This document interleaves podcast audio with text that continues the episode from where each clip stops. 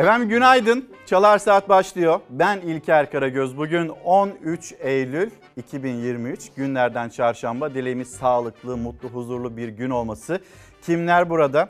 Kimler bizimle birlikte? Siz evden çıkmadan yeni günün notlarını, yeni günün haberlerini paylaşacağız. Ekranlarınıza taşıyacağız. Ama yine birlikte konuşarak gerçekleştireceğimiz bir yayın olacak.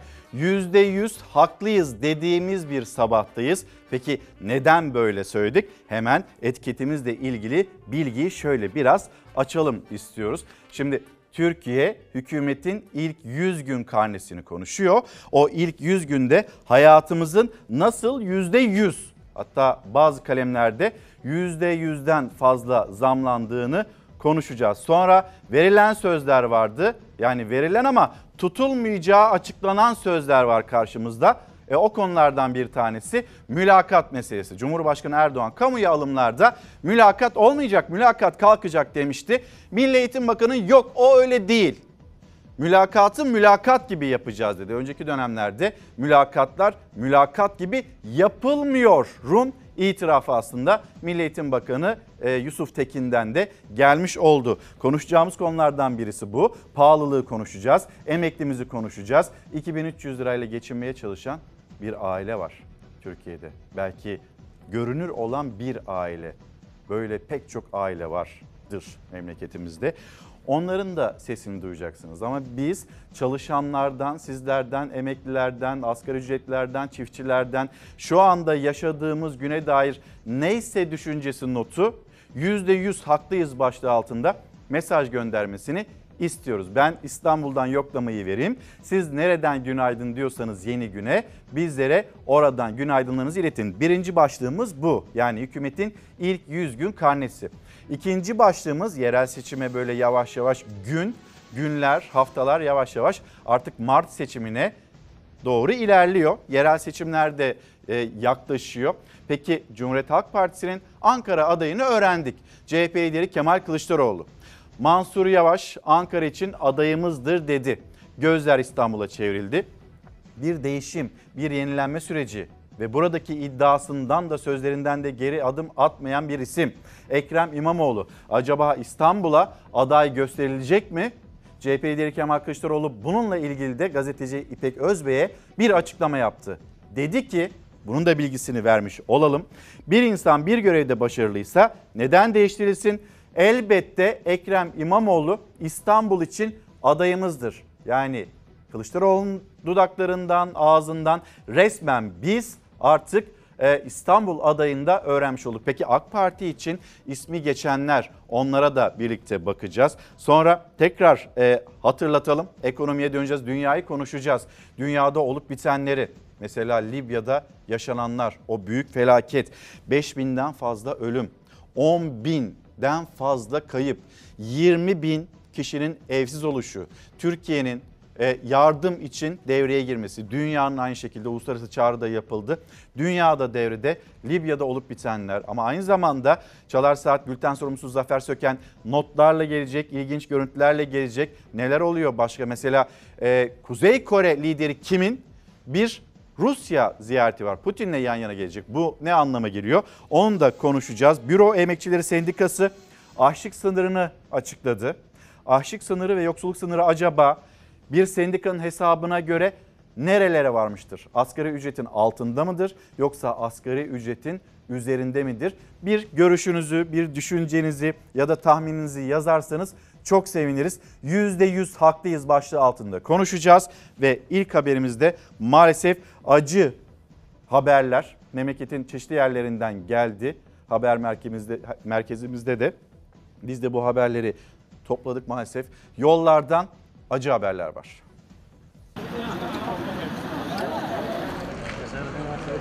Konya, Uşak ve Van'dan peş peşe geldi acı haberler. Yaşanan ölümlü kazalarda 5 kişi hayatını kaybetti. Konya'da Ali Özer, kuzeni, eşi ve biri 4 yaşında, diğeri 9 aylık kızlarıyla birlikte Çurma ilçesindeki çiftliklerinden dönüyordu. Yönetimindeki kamyonette tarlasında çalışan Afganistan uyruklu 3 işçi de vardı. Ali Özer gece saat 21.30 sularında ailesini indirmek için karayolunun sağında durdu.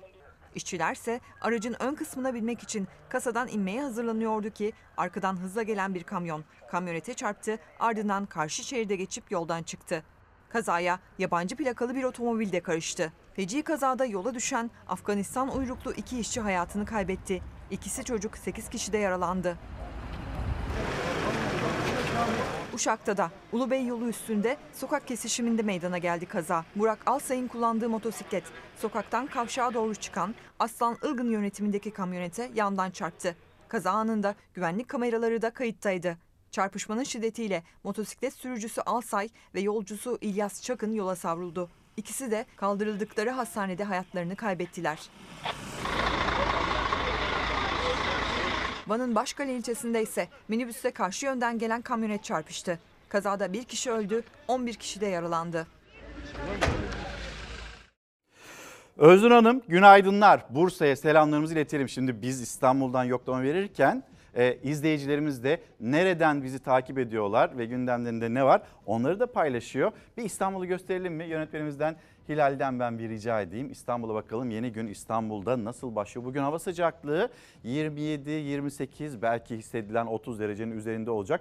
Böyle bir gün başlıyor. Güzel bir Eylül günü 13 Eylül 2023 tarihinde İstanbul'da hava durumunu bu şekilde anlatmış olalım. Görüyorsunuz uzaklarda böyle trafiğin de yavaş yavaş yoğunlaştığını sahil yolu ve tarihi yarımadaya doğru yeni kapıya doğru işte burada yavaş yavaş trafikte yoğunlaşıyor. Soner Bey diyor ki hafta sonuna doğru yine galiba akaryakıta zam gelecek. Soner Bey yani artık böyle alıştıra alıştıra mı e, konuşsak bunları sürekli her gün her şeye zam geliyor.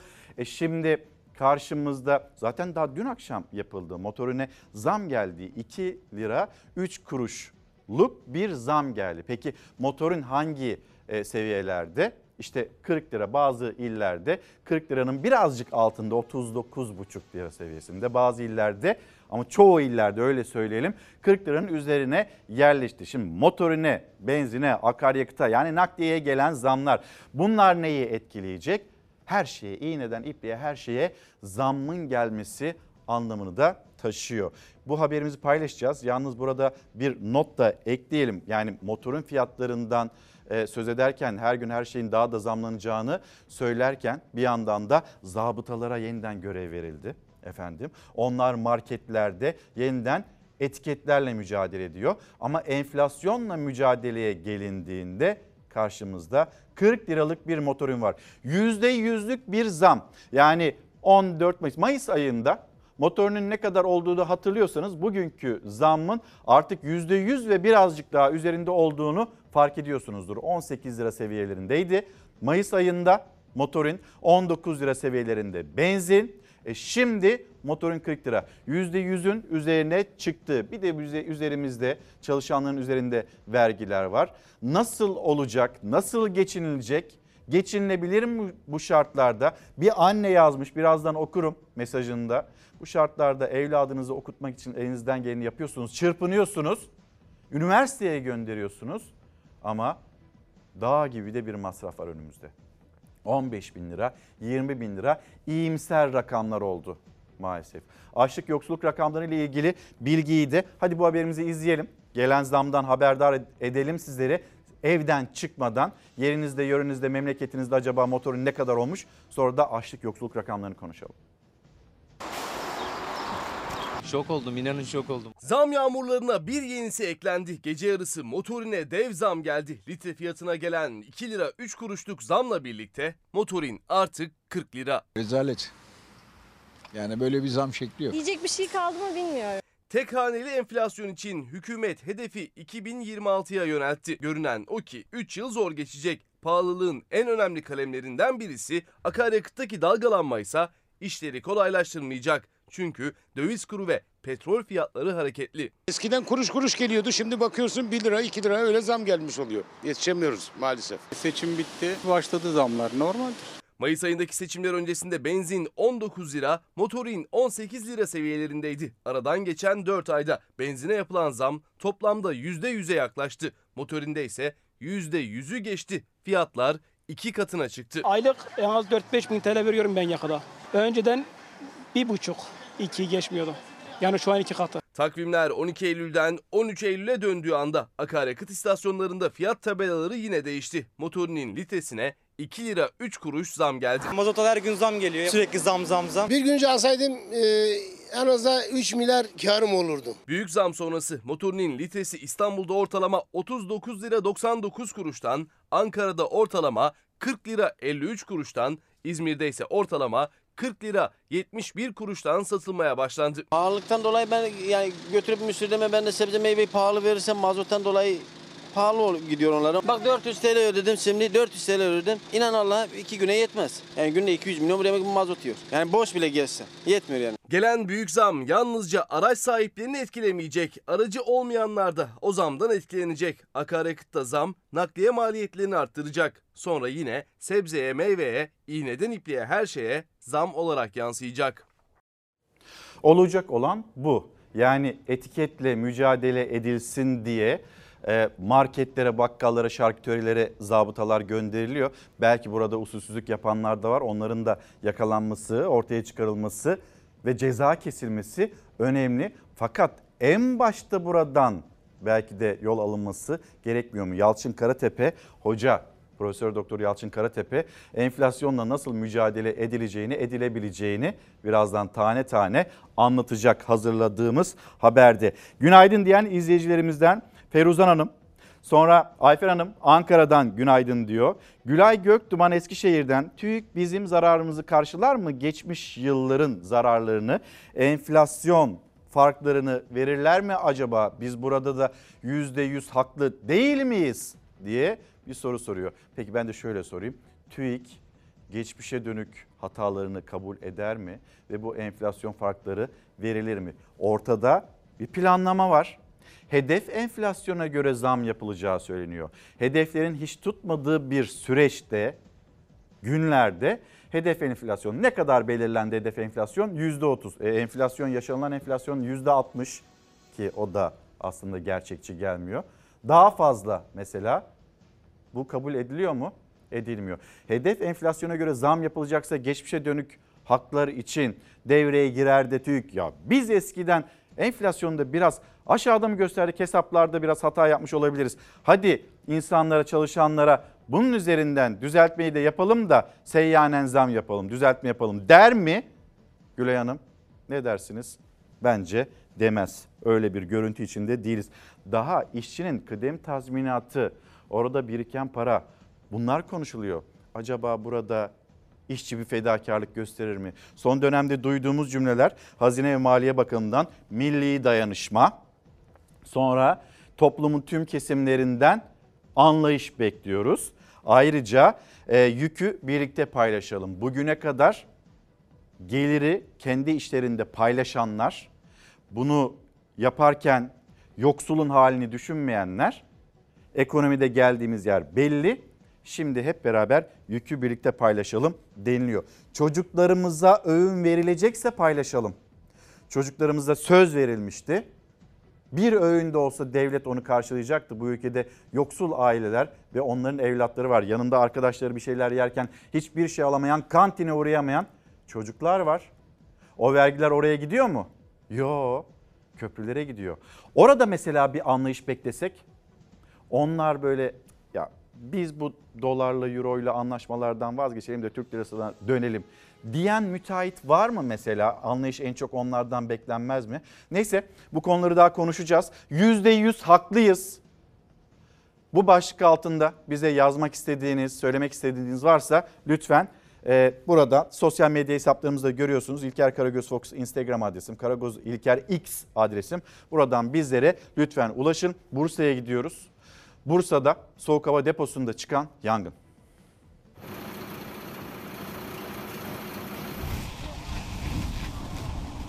Soğuk hava deposunda yangın çıktı. Plastik sebze meyve kasaları tutuştu. Alevler göğe yükseldi.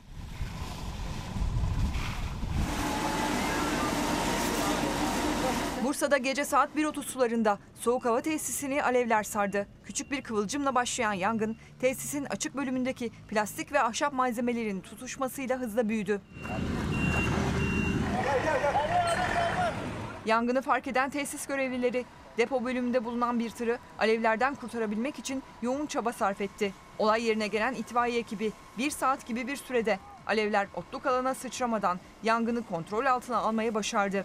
Yangında depodaki çok sayıda plastik kasa zarar gördü. Maddi hasar büyük oldu. Geçmiş olsun. Selen Hanım size de günaydın.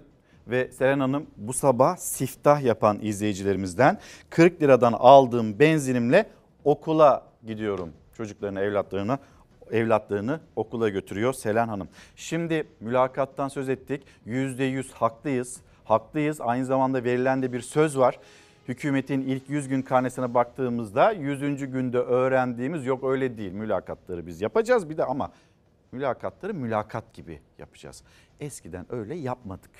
Şimdi hadi mülakatları mülakat gibi yapalım. Ama söz öyle değil. Kamuya alımlarda Cumhurbaşkanı Erdoğan'ın verdiği söz, seçmenin karşısına çıktığı gençlerden oy isterken e, beyanda bulunduğu açıklama şu. Kamuya alımlarda biz mülakatı kaldıracağız. Ama Milli Eğitim Bakanı başka şey söylüyor. Mülakat sürecini düzgün bir mülakat prosesine dönüştürmek istediğimiz için biraz uzun zaman alacağız. Mülakatı kaldırarak gençlerimizin sınavlardaki başarı sıralamasına göre yapacağız. Tam olarak öyle değil. Cumhurbaşkanımız mülakatların uygulanış biçimiyle ilgili rahatsızlığını dile getirdi. Biz de mülakatları mülakat gibi yapmaya karar verdik. Bakan açıklamasıyla hem Cumhurbaşkanı'nı yalanladı hem de kendisinden önceki bakanları ve devlet yetkililerinin suç işlediğini itiraf etmiş oldu. Cumhurbaşkanı Erdoğan seçim öncesi söz verdi. Kamuya işe alımlarda mülakat kalkacak, sınavlardaki başarı esas alınacak dedi ama Milli Eğitim Bakanı yeni öğretmen alımında mülakat yapacaklarını söyledi. Mülakat gibi mülakat yapacağız dedi. Geçmiştekiler nasıl mülakattı? Bir kere onların sahte mülakat veyahut da torpilli mülakat olduğunu kabul etmiş oluyor zımnen Milli Eğitim Bakanı. KPSS sınavından 79 alarak İngilizce öğretmenliği alanında 303. oldum. Sözlü sınavlara girdim. Sonucumun 56'ya düşürüldüğünü gördüm. Beni neden elediniz? Bunu öğrenmek istiyorum. Haksızlık karşısında susan dilsiz şeytandır. KPSS'den yüksek puan alıp mülakatta elenen öğretmen adayları için CHP lideri Kılıçdaroğlu Milli Eğitim Bakanlığı'nın kapısına gitmişti. Cumhurbaşkanı tepki göstermişti. 2023 seçimlerine giderken Kılıçdaroğlu açıkladı önce. Seçilirsem mülakatı kaldıracağım dedi. Ardından Erdoğan da aynı sözü verdi. Kamuya işe alımları görevin getirdiği zorunluluklar dışında mülakatı kaldırarak gençlerimizin sınavlardaki başarı sıralamasına göre yapacağız. Tam olarak öyle değil. Cumhurbaşkanımız mülakatların uygulanış biçimiyle ilgili rahatsızlığını dile getirdi. Biz de mülakatları mülakat gibi yapmaya karar verdik. İktidar maalesef kayırmacı bir düzenin ortaya çıkardığı bir tabloda bu anlayıştan vazgeçmeyi tercih etmiyor. Sayın Cumhurbaşkanı da yalanlıyor. Cumhurbaşkanı verdiği o sözü yok kabul ediyor. Geçmişte yapılan mülakatların aslında mülakat değil, düzmece bir oyun olduğunu ifade ediyor. 45 dakikalık ders periyodu içerisinde kendisine sorulan soruyla ilgili öğrencilere ders anlatır gibi anlatacak. Uzman ve baş öğretmenlerden oluşan bir e, jüri oluşacak. Her bir öğretmen adayı arkadaşımıza tesadüfi örneklem yoluyla elektronik ortamda hazırlanmış bir soru kendisine sunulacak. Yazılı sınav sorularının nasıl sızdırıldığını bilirken bir havuzdan rastgele sorular gelecek. O rastgele sorulara da işte verdiği cevaplara göre e, burada ölçme değerlendirmede farklı e, temsilciler bulunacak ve orada adil bir değerlendirme yapacağınızı inanmak mümkün değil. Seçim öncesi Cumhurbaşkanı Erdoğan'ın mülakat kalkacak vaadi. Milli Eğitim Bakanı Yusuf Tekin'in mülakat gibi mülakat yapacağız sözleri. Muhalefette eğitim sendikaları da tepkili. Eskisi gibi olmayacak yani. Eskiden nasıl yapılıyordu mülakatlar? Bir de onu söyleseler. Milli Eğitim Bakanı mülakatları mülakat gibi yapacağız dedi. Sürekli biz Nurettin Nebati'ye dönüyoruz. Hiçbir şey olmasa bile düzeltiyorum. Nurettin Nebati'de başka cümleleri vardı ama Ali İhsan Yavuz'a dönüyoruz. Hiçbir şey olmasa bile kesinlikle bir şey oldu ama biz fark edemedik. Ama biz burada fark ettik. İzleyicilerimiz, bu hayatı yaşayanlar, evlatları iş bulsun diye çırpınan anneler, babalar, sonra o mülakatlara giren çocuklar aldıkları 95 puanlar, o puanlarla elenişler. İnsanlar bilmiyor mu eskiden mülakatların nasıl yapıldığını? Olmayacak denildi. Yazılı sınavlara göre alınacak. Atamalar böyle yapılacak denildi. İlk 100 günde 100. günde karşımızda yok. O öyle değil diye bir yanıt var. Sizlerden yine günaydınlar geliyor. Ee, Servet Bey çok sağ olun çok teşekkür ederiz. Kırıkkale'ye e, Ayser Hanım aracılığıyla günaydın diyelim. Bakalım hangi illerden mesaj gelmemiş yoklama yapıyoruz. Bakalım hangi iller daha uyanamamış hemen bir görmeye de çalışalım. Bursa uyanmış günaydınlar. Ee, Adana'ya selamlar Şenay Turhan e, aracılığıyla. Sonra Ağırdahan'dan günaydın diyen izleyicilerimiz var. Fatma Hanım bizlere de Antalya'dan günaydın diyor.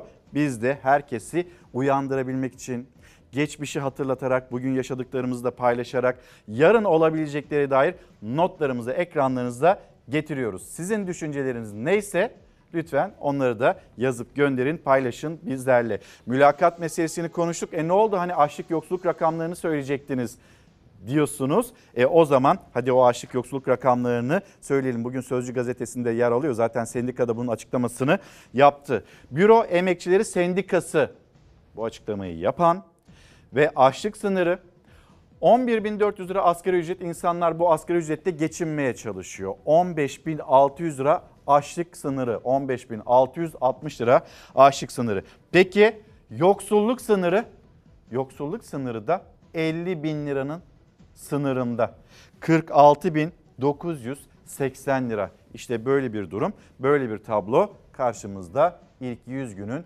karnesi bitecek mi bu pahalılık? Ben size sorayım sizce biter mi?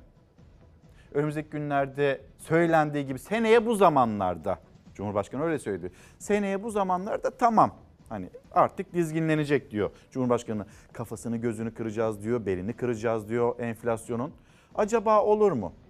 Düşüncenizi paylaşırsanız seviniriz. Şimdi de gideceğimiz yer Hatay. Hatay'da yıkılan bir bina. Orada ağır hasarlı binalar var. O binaların yıkım çalışmaları devam ediyor. Önce haberimizi, görüntüyü izleyelim. Sonra Cumhuriyet Gazetesi'nden bir haber paylaşacağız.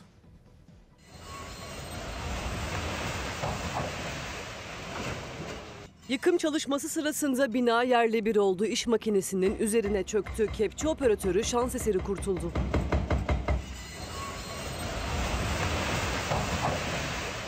...11 ile etkileyen Kahramanmaraş depreminde sadece Hatay'da 25 bin yakın insan yumdu hayata gözlerini. Binlerce bina yıkıldı. O kabus günlerden bugüne ağır hasarlı binaların yıkımına devam ediliyor. Burası Antakya'nın Saraykent Mahallesi iş makinesi hasarlı binayı yıkıyor. Kontrollü yıkımda daha önce defalarca şahit olduğumuz gibi kontrolsüzce çöküyor bina.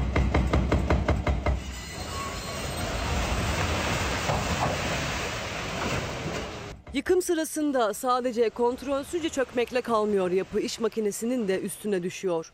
Üzerine düşen beton yığınlarının takla attırdığı kepçenin operatörü şans eseri yara almadı.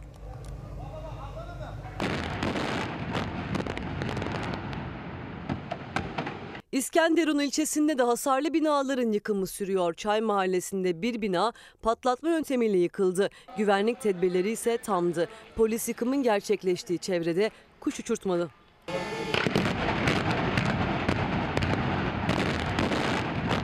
Binanın yıkım anını yoldan geçenler cep telefonu kamerasıyla kaydetti. Ee, izleyicilerimizden çok sayıda mesaj geliyor. E, sadece işte Selen Hanım yapmadı siftah. Biz de siftah yaptık. 40 liradan aldık be, e, motorinlerimizi diyen izleyicilerimiz. Şimdi geçen seneden bu seneye bunun bir kıyaslamasını yapalım. Aslında başka kalemlerde de pirinçte, yağda, tuvalet kağıdında neyse o TÜİK'in o hmm, madde sepeti, açıklamadığı madde sepeti var ya onun üzerinden bir hesaplama yapma gayretimiz de olsun. Ama işin özeti şu, Sözcü gazetesinin de yine ilk sayfasında yer alıyor. İşte bakın nelere zam geldi. Çaya zam, şekere zam, benzine zam, mazota zam, ulaşıma, elektriğe, telefona, internete, suya, doğalgaza, eğitime, giyime, sonra tütün mamullerine, alkollü e, mamullere, peynire, ekmeğe, simide, kiraya, vergiye her şeye zam geldi. Peki sizin maaşlarınıza ne kadar zam geldi? Bir hesap çıksın ortaya. Geçen seneden bu seneye birazdan o grafiği paylaşacağız. Bu kazığı kim çıkaracak? AKP yıllardır ekonomi düzelecek şarkısını söylüyor ama kazık büyüdükçe büyüyor. Yaklaşık iki buçuk yıldır ekonomide deprem var. Her şeye zam yağıyor. İktidar biraz sabredin geçecek mesajı veriyor. İktidarın verdiği mesaj bu. Bir Cumhuriyet Gazetesi'ne gelelim mi? Yok düzeltiyorum. Gazete pencereye gidelim bir. Cumhuriyet Gazetesi'yle devam edeceğiz. Gazete pencereye gelelim. Bakın yani iktidar çözülecek diyor, biraz sabredin diyor. Hadi biraz daha anlayış diyor. Kemerleri azıcık daha sıkarsanız sıka sıka yer kalmadı diyen izleyicilerimiz var. Biraz daha kemer sıkı verin deniliyor. Vergiler azıcık daha vergi alacağız ama çözeceğiz. Bir formül daha var. O formülde gazete pencerede yer alıyor. Geçim sıkıntısına doğalı çözüm kullandığı bütçeyle tartışmaların odağında olan Diyanet İşleri Başkanlığı'nın 10 Eylül'deki takvim yaprağında borçlardan kurtulmak için edilecek dua yer aldı. Diyanet'in tavsiye ettiği duada Allah'a hitaben perçeminden tuttuğun her şeyin şerrinden sana sığınırım, sığınıyorum. Evvel sensin, senden önce hiçbir şey yoktur. Ahir sensin, senden sonra da hiçbir şey kalmayacaktır. Konuşamadım. Burada da birazcık sesim gitti. Yani insanlara böyle bir çağrı, dualı çağrı yapılıyor ama biraz da insanları anlamak lazım. İnsanların yaşadığını da anlayabilmek lazım. Öyle söyleyelim. Şimdi Ankara'nın dikkatle takip ettiği bir operasyon var. Kaplan operasyonu ona bakalım.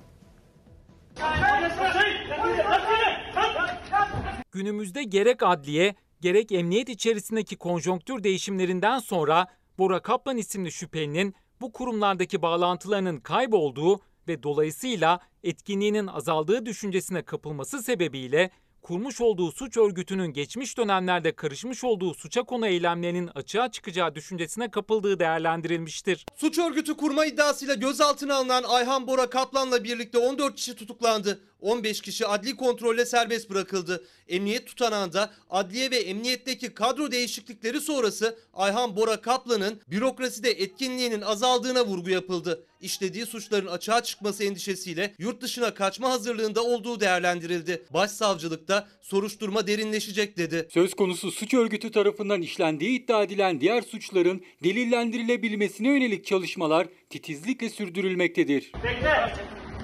Bekle. Kaç kişi var araçta? Hepsine.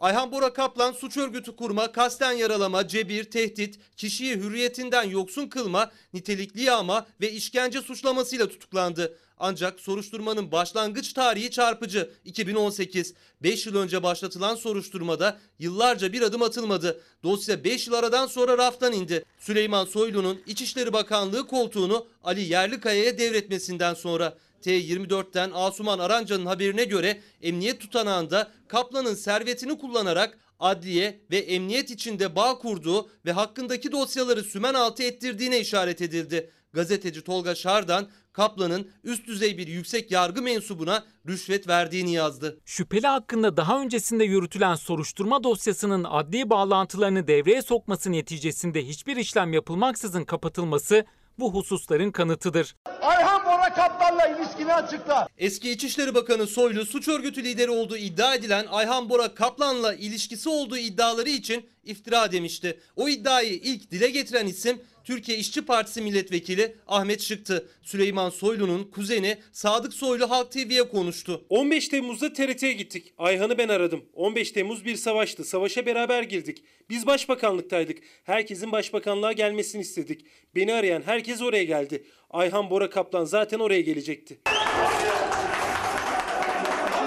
Hakkında suç örgütü kurma suçlamasıyla soruşturma olan bir kişi neden başbakanlığa kadar çağrıldı sorusunun yanıtı yok. Ayhan Bora Kaplan ve beraberindekiler TRT önünde uzun namlulu silahlarla poz vermişti. O silahları kim verdi çok tartışılmıştı. Ben nereden bileyim Süleyman Bey o zaman İçişleri Bakanı değil ki. Silahlarla bizim ne alakamız var? Ben bunu nereden bileyim? Devlet her şeyi bilir. Öyle mi? Ha senin Ne oldu ki abi ne yaptın? Tamam konuşma. 2018 yılında başlayan bir soruşturma emniyette gözaltındakilere 2019 yılında yapılan telefon görüşmelerine ait sorular sorulması yani teknik takibin o dönemde yapıldığı Peki dosya neden rafa kaldırıldı? Emniyet ya da savcılık 5 yıl boyunca Kaplan'a yönelik operasyon için düğmeye neden basmadı? Eldeki verilerin suç soruşturmasına dönüştürülmesine kimler engel oldu? Sorulara yanıt aranıyor. Rüşvet iddiaları, emniyete kadar uzanan iddialar, sonra gelen tutuklamalar Ankara dikkatle bu soruşturmayı da takip ediyor. Bu arada önemli bir uyarı. Memleketten haberler paylaşıyoruz. Günaydın diyen izleyicilerimize bizler de günaydın derken mesela Van, Bitlis, Siirt, Batman ve Mardin çevreleriyle Diyarbakır'ın güney ve doğusunda bugün kuvvetli yağışlar bekleniyor. Uyarısını yapalım bir kez daha söyleyeyim. Van, Bitlis, Siirt, Batman, Mardin, Diyarbakır'ın güney ve doğusunda kuvvetli yağış bekleniyor.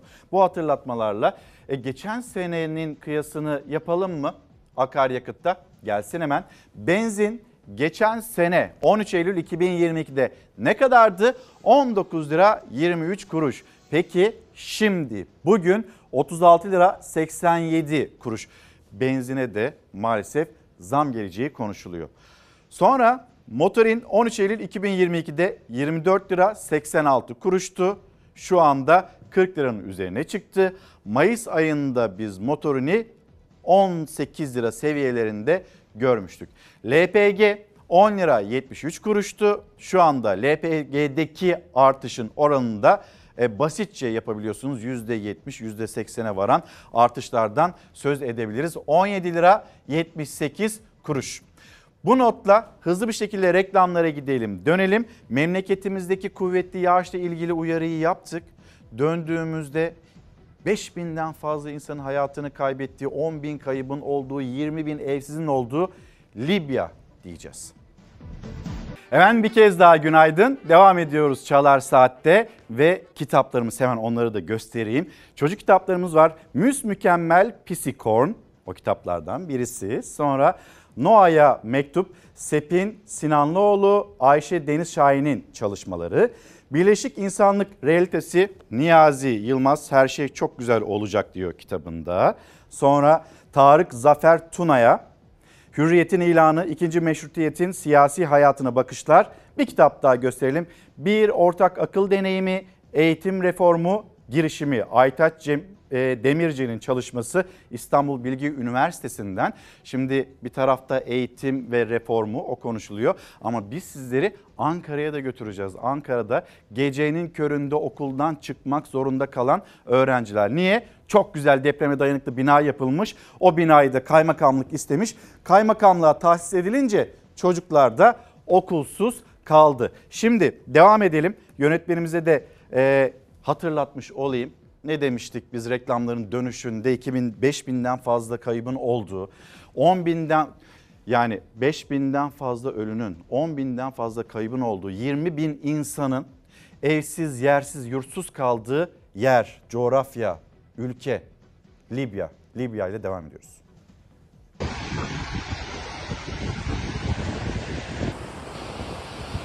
Libya'da felaket yaşanıyor. Son 40 yılın en şiddetli yağışı sele dönüştü. İki baraj yıkıldı. Mahalleler su altında kaldı. 5000 aşkın kişi hayatını kaybetti. 10 bin kişi ise kayıp. Dünyada küresel ısınmanın etkileri her geçen gün artıyor. Yunanistan ve Bulgaristan'da 19 kişinin ölümüne yol açan Daniel fırtınası son olarak Libya'yı vurdu. Fırtına ülkeye son 40 yılın en şiddetli yağışını getirdi. Akdeniz kıyısındaki Derne, Bingazi, Merç ve Suse kentleri ani su baskınlarına uğradı. Felakette en büyük yıkım 100 bin kişi nüfuslu Derne kentinde yaşandı. İki barajın yıkılmasıyla dere yatağı kenarındaki yüzlerce ev su altında kaldı. Kentte otomobiller üst üste bindi. Yol ve köprü ağı tamamen çöktü. Mahsur kalanlar için kurtarma çalışmaları başladı. Libya'nın doğusundaki hükümet temsilcileri felakette 5200 kişinin yaşamını yitirdiğini duyurdu. Selde 10 bin kişi de kayboldu. Şu ana kadar bine yakın kişinin cansız bedeni bulundu. Felaket sonrası ülkede 3 günlük yas ilan edildi. Libya Başbakanı Dibeybe uluslararası yardım çağrısında bulundu. Çağrıya ilk yanıt vererek harekete geçen Türkiye oldu. 3 kargo uçağımız yardımlarla beraber Libya'ya intikal etti. Milli Savunma Bakanlığı'na ait uçaklar 168 arama kurtarma personeli ve yardım malzemelerini Libya'ya ulaştırdı. Çok büyük bir felaket. Ankara'da, dünyada seferber oldu Libya'da insanlara ulaşabilmek için. X'ten gelen mesajlar var. Bugün başlığımız %100 haklıyız ve izleyicilerimiz ne söylüyorlar? Cahit Bey, e, 2000'ler %100 haklıyız diyor. Kademeli emeklilik hakkımızı almalıyız hatırlatmasını yapıyorlar. 2000 ve sonrasında SGK girişler olarak büyük haksızlığa uğradık. Akranlarımızla aramızda 20 yıllık bir emeklilik farkı var. Kademeli bir emekliliğe geçilmesi gerekiyor bunun hatırlatmasını yapıyor izleyicilerimiz. Kütahya'dan günaydın diyen izleyicilerimiz e, ücretli öğretmenlerin, usta öğreticilerin haklarını lütfen gündeme getirin. Lütfen bundan vazgeçmeyin diyorlar. Elbette söyleyeceğiz, anlatacağız, dillendireceğiz. Şimdi az önce söz etmiştim. Yönetmenimiz Hilal de hazırladı aslında o haberi. Gecenin karanlığında okula gitmek zorunda kalan e, öğrencilerimiz var. Dolayısıyla öğretmenlerimiz de var. Niye? Çünkü bir bina yapıldı. Depreme dayanıklı, asansörlü böyle güzel. Çocuklar için yapıldı ama. Sonra işte kaymakamlığın binası yetersiz denildi. E, bir yazı geldi okul yönetimine. O çocuklar sabahçı, öğlenci Ankara'nın göbeğinde 21.45'te okullarından çıkmak zorunda kalıyorlar. Gecenin karanlığında. Yakında işte önümüzdeki günlerde yavaş yavaş böyle e, günler kısalacak, geceler uzayacak. Biz yine o karanlıkta evlatlarımızı okula göndermek zorunda kalacağız. Bir tarafta bu yaşanırken ve hala bu sorun ortadan kalkmamışken ve herkes biz %100 haklıyız endişeleniyoruz çocuklarımız için derken e, bu tarafta farklı bir tablo yaşanıyor. Ankara'ya gidiyoruz. Şurada birini bıçaklayıp atsalar şu saatte hiç kimse bir şey yapamaz yani. Okulun her çıkan yeri ıssız farklı farklı kapıları var. Giren çıkan belli olmuyor bazen. Evime girmeden çocuğumun peşine düştüm. Saat 10'a kadar eğitim dünyanın neresinde görülmüş? Öbür liselere bak hepsi şu an evlerinde yatıyor. Biz burada mesela benim babam gececi şu an işte beni şimdi nasıl alacak? Korkuyorum abla yani. Yaşıtları evlerinde yatmaya hazırlanırken onlar 21.45'te okuldan çıkıp korkarak evlerine gitmeye çalışıyorlar. Normal bir saatte okuldan çıkmamalarının nedeni ise yenilenen ve depreme karşı güçlendirilen okul binalarının Mamak Kaymakamlığı'na tahsis edilmesi. Milli Eğitim Müdürü kendi bebesini göndersin. Kaymakam, vali, kim varsa yani. Niye kaymakamlığa veriliyor? Başka yer mi yoktu Ankara'da? Çocuğum gelecek 11'de evde olacak, banyo yapacak, yemek yiyecek, ders çalışacak. Bu çocukla ne verim beklersiniz? Mesela benim şu an sporum var hiç gidemiyorum. Ankara Mamak'ta Yunus Emre Mesleki ve Teknik Anadolu Lisesi öğrencileri geçen yıl okulları depreme karşı güçlendirildiği için Mamak Mesleki ve Teknik Anadolu Lisesi'nin binasını kullandı. İkili eğitime geçildi. Bu yılsa lisenin tadilatı tamamlandı ama valilik yenilenen o binanın Mamak Kaymakamlığı'na verilmesini istedi. Gerekçe kaymakamlık binasının tadilata alınacak olması. Milli Eğitim Bakanlığı da onay verdi. Okulları kaymakamlığa verilen öğrenciler bir başka lisede eğitime başladı yine. Öğleden sonra derse giriyorlar, akşam 21.45'te çıkıyorlar. Saat 21'i geçti ve okulun ışıkları hala yanıyor. Ders devam ediyor. Çıkış saati ise 21.45. Bu saatte otobüs yok, dolmuş yok. Bu çocuklar neyle gidecek, nasıl gidecek? Başına bir şey gelse ne olacak? Anne baba uğraşacak. Kimin umurunda? Milli Eğitim'in umurunda mı? Değil. Bizimkiler arıyor neredesin diye merak ediyor. Bu saatte çıkmak sizi de tedirgin ediyor mu? Ediyor yani iti var uğursuzu var. Şimdi çıksak biri gelecek bıçak çekecek paranı ver diyecek. Zil çalmayacak çünkü başka bir okulda olduğumuz için buranın müdür ve müdür yardımcıları anahtarlarını alıyorlar ve zil sistemine ulaşamıyoruz. Kantin bile artık kapandı. Kantin kapalı saat 6-7'de kapattılar. Saat 21.45'e kadar ders var ama zil bile çalmıyor, kantin dahi kapanıyor. Zaten açık olduğunda da öğrencilerin pek çoğu alışveriş yapamıyor. Abla çıkıyoruz ama işte kantin biraz pahalı yani bizim de durum şey de oluyor. Biz hani sabah çıkıyoruz kahvaltımızı yaparak hani akşama 9'a kadar elbette ki acıkıyoruz. Hani burada bir iki öğünden yememiz gerekiyor ama kantin fiyatları da arttığı için biz burada hiçbir şey yapamıyoruz. Ne yapmamız istiyorlar yani? Çocukları okuldan alalım mı? Paramız yok ki özel okula yazdıralım. Biz okulumuzu istiyoruz. Gece çıkmak istemiyoruz. Başkent Ankara'da öğrenciler için hazırlanmış bir okul kaymakamlığa tahsis edildiği için yüzlerce öğrenci 21.45'te okuldan çıkmak zorunda. Aykut Bey günaydın. Aykut Bolgun diyor ki biz %100 haklı falan değiliz ki. Biz %1000 haklıyız. Burada da bir haklılık var ve orada aileler endişeli, çocuklar endişeli. Beril Ötkan soruyor oradaki arkadaşlarımıza. E, tedirgin oluyor musunuz? Kim nasıl olmaz çocuklar? Bir de yani o saatteki eğitimden kim nasıl faydalanacak? Kantin kapanmış, çocuklar hani gecenin karanlığı olmuş. Böyle bir bakış açısı, böyle bir anlayış olabilir mi? Ama biz eğitimde neyi konuşuyoruz şu anda? Milli Eğitim Bakanı'nın açıklamalarını, mülakatı, mülakat gibi yapacağız sözlerini. Cumhurbaşkanı'nın vaatlerine, beyanına karşı bir açıklamayı konuşuyoruz.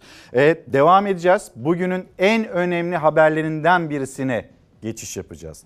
Ankara'da Ankara Büyükşehir Belediye Başkanı adayı kim olacak sorusu Cumhuriyet Halk Partisi adına netlik kazanmıştı. Mansur Yavaş'ın aday olacağını söylemişti Kılıçdaroğlu.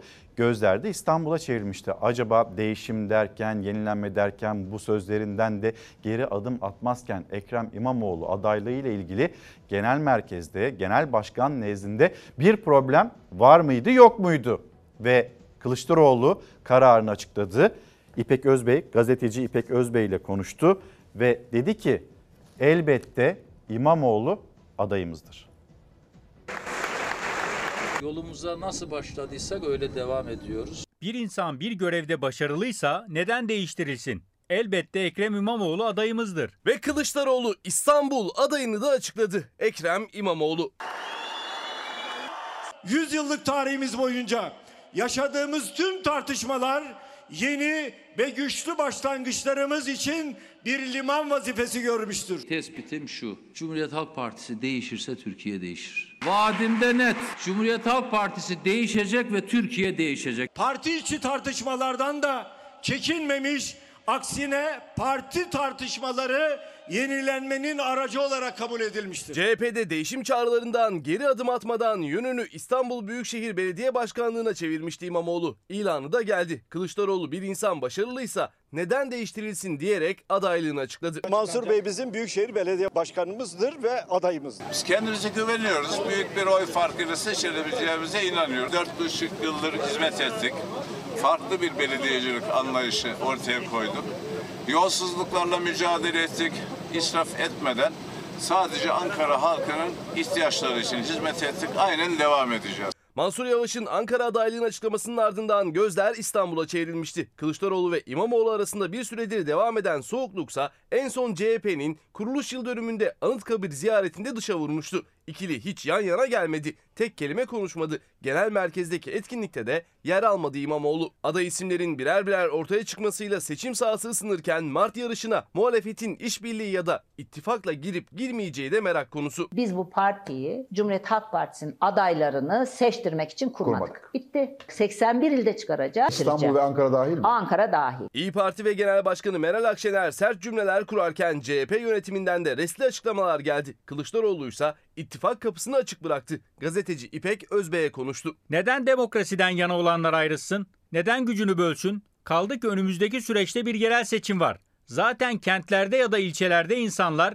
kendi bölgelerinde tek adam rejiminin temsilcisi bir adaya karşı demokrasiden yana olan en güçlü adaya yönelecektir. Cumhuriyet Halk Partisi'nde kurultay hareketliliği de hızlandı. Kılıçdaroğlu'na karşı rakip çıkmaya hazırlanan Özgür Özel, Genel Başkanım kararımı televizyondan öğrenmeyecek demişti. Bugün saat 14'te Genel Başkanımız Sayın Kemal Kılıçdaroğlu ile bir görüşme gerçekleştirdim. İçinde bulunduğumuz kurultay sürecine dair 15 Eylül Cuma günü genel merkezimizde bir basın toplantısı yapacağım. Dün Kılıçdaroğlu'nu ziyarete gittiğini sosyal medyasından duyurdu Özgür Özel. Adaylık ilanı için gözler Cuma gününe çevrildi. Gözler şimdi Cuma gününde Özgür Özel Genel Başkanım bunu televizyondan öğrenmeyecek. Adaylık kararımı televizyondan öğrenmeyecek demişti. Dün öğleden sonra CHP lideri Kılıçdaroğlu ile yan yana geldi. Cumhuriyet Halk Partisi'nin grup başkanı Özgür Özel ve artık gözlerde Cuma gününe çevrildi. Özgür Özel tutum belgesini açıklayacak Cuma günü. Son dönemde Ekrem İmamoğlu ve CHP lideri Kılıçdaroğlu arasında ya da genel merkez arasında sert rüzgarlar, soğuk rüzgarlar esiyordu. Bir telefon trafiğinin yaşandığı, Ekrem İmamoğlu'nun Kılıçdaroğlu'nu aradığı yönünde kulis bilgileri var ve İmamoğlu bu görüşmede stem etmiş kendisine. İstanbul'a geliyorsunuz, üç kez geldiniz ve bir türlü bundan haberimiz olmuyor. Kılıçdaroğlu'nun da burada bir şaşkınlığı olduğu söyleniyor. Nasıl haberiniz olmaz? Bundan sonra özel kalemler daha aktif bir şekilde temas içinde olsunlar talimatını da yine veriyor Kılıçdaroğlu. Burada buzlar eriyor mu? Acaba önümüzdeki günlerde e, Cumhuriyet Halk Partisi'nde büyük kurultay da yaklaşıyor Kasım ayında neler olacak adaylığını resmen Cuma günü Özgür Özel ilan edecek mi etmeyecek mi onu da takip edeceğiz. Ama siyasetin ve bu sahanın yavaş yavaş ısındığını görüyoruz. Ekrem İmamoğlu CHP'nin adayı. Peki İyi Parti'nin de adayı olacak mı? İyi Parti sürece bıraktı. Kılıçdaroğlu da ittifak ya da adı işbirliği de olabilir. Bu işbirliğiyle ilgili de böyle kapıyı açık bırakırken İyi Parti biraz daha e, sessiz duruyor. Onlar da Meral Akşener de kurmayları da e, yine bu durumu izlemeye, takibe almış durumdalar. Günaydın diyen izleyicilerimizden e, bakıyorum Nuraydın. Günaydınlar.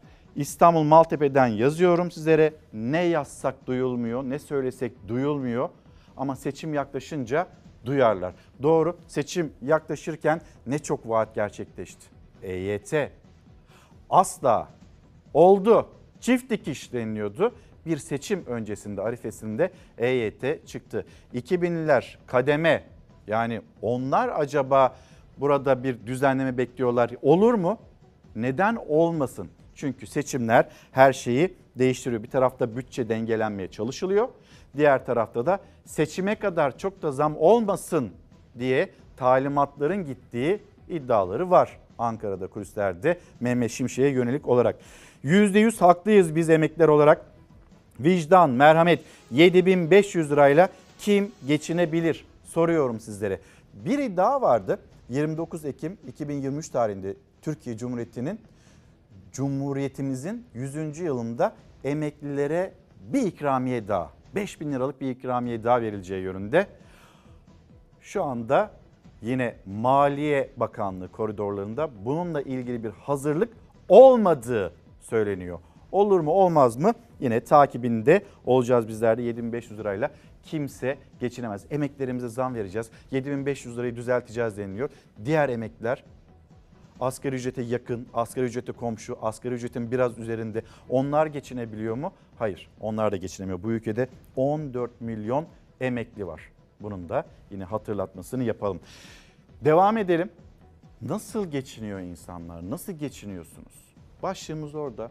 %100 haklıyız etiketi altında konuşurken nasıl geçinebildiğinizi biz biliyoruz, görüyoruz, yaşıyoruz, haberleştiriyoruz ama bir kez daha bizimle paylaşmak isterseniz lütfen yazıp gönderin. Bakın İstanbul'da insanlar, işçiler özellikle, emekçiler ve emekliler ve önümüzdeki günlerde öğrencilerimiz de gelecek üniversiteye.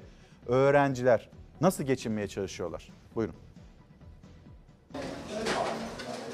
Şöyle bir baktığınızda sıraya kimler var bu sırada? Öğrenciler var, inşaat işçileri var, emekliler var. Emekliyim. Yani maaşıma göre çok güzel be. Allah razı olsun. Başka yerde bir yemek yiyorsun. Bir et yemeği 100 lira. Burada 3-4 çeşit 40 lira ya. Sayısı giderek artan dev tencerelerde kaynayan yemekler, giderek uzayan kuyruklar, çorba, etli ana yemek, makarna veya pilav, meyve, ekmek ve sudan oluşan 40 liralık bu menü için.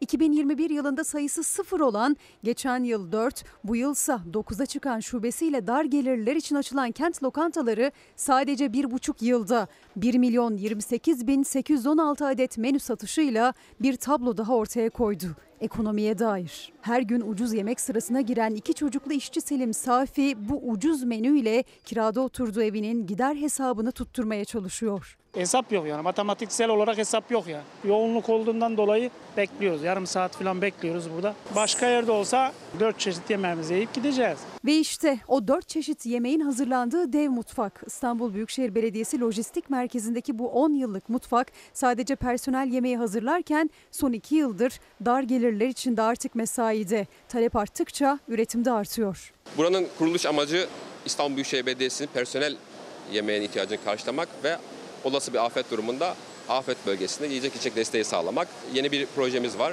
Kent lokantaları. 8500 civarında e, yemek üretimi gerçekleştirmekteyiz. Geçen yıl 6000, 6500 civarıydı. Beyaz et, kırmızı et, bakliyat, sebze, meyve dengeleri gözeterek menülerimizi oluşturuyoruz. Yaklaşık 250 kişinin her gün binlerce kişiye yemek yaptığı devasa bir mutfaktayız. Burası 24 saat boyunca çalışıyor ve gece başlayan mesai kent lokantalarına yemek yetiştirebilmek için hızla devam ediyor. Bugün menüde ana yemek orman türlüsü. İçinde bezelye var, havuç var ve evet herkesin artık tadını unuttuk dediği kırmızı et var. Yemek kuşbaşı etli bugün.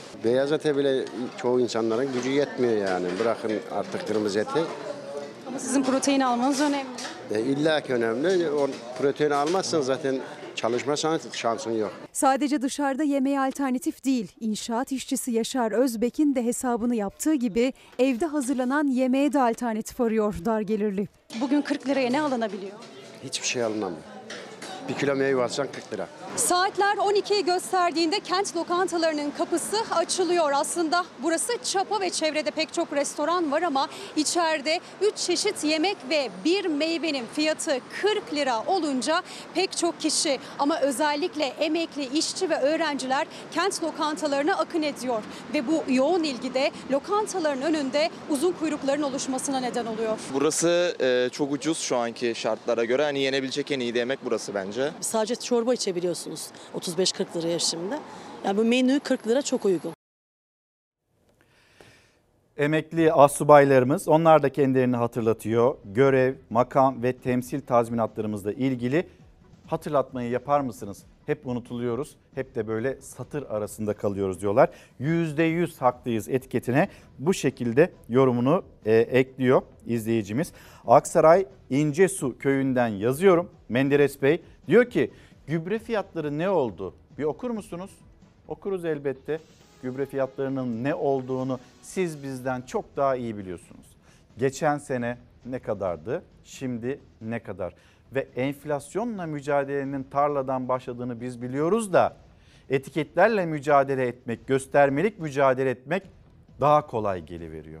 O da zaten bir gün iki gün sürüyor. Sonra marketlerde, bakkallarda sanki suçlu bakkalmış gibi o zabıtaları falan görmüyorsunuz. Onlar böyle bir çıkıyorlar enflasyonla mücadele ediliyormuş gibi görüntü veriliyor ve sonrasında enflasyon da başını alıp gitmeye devam ediyor.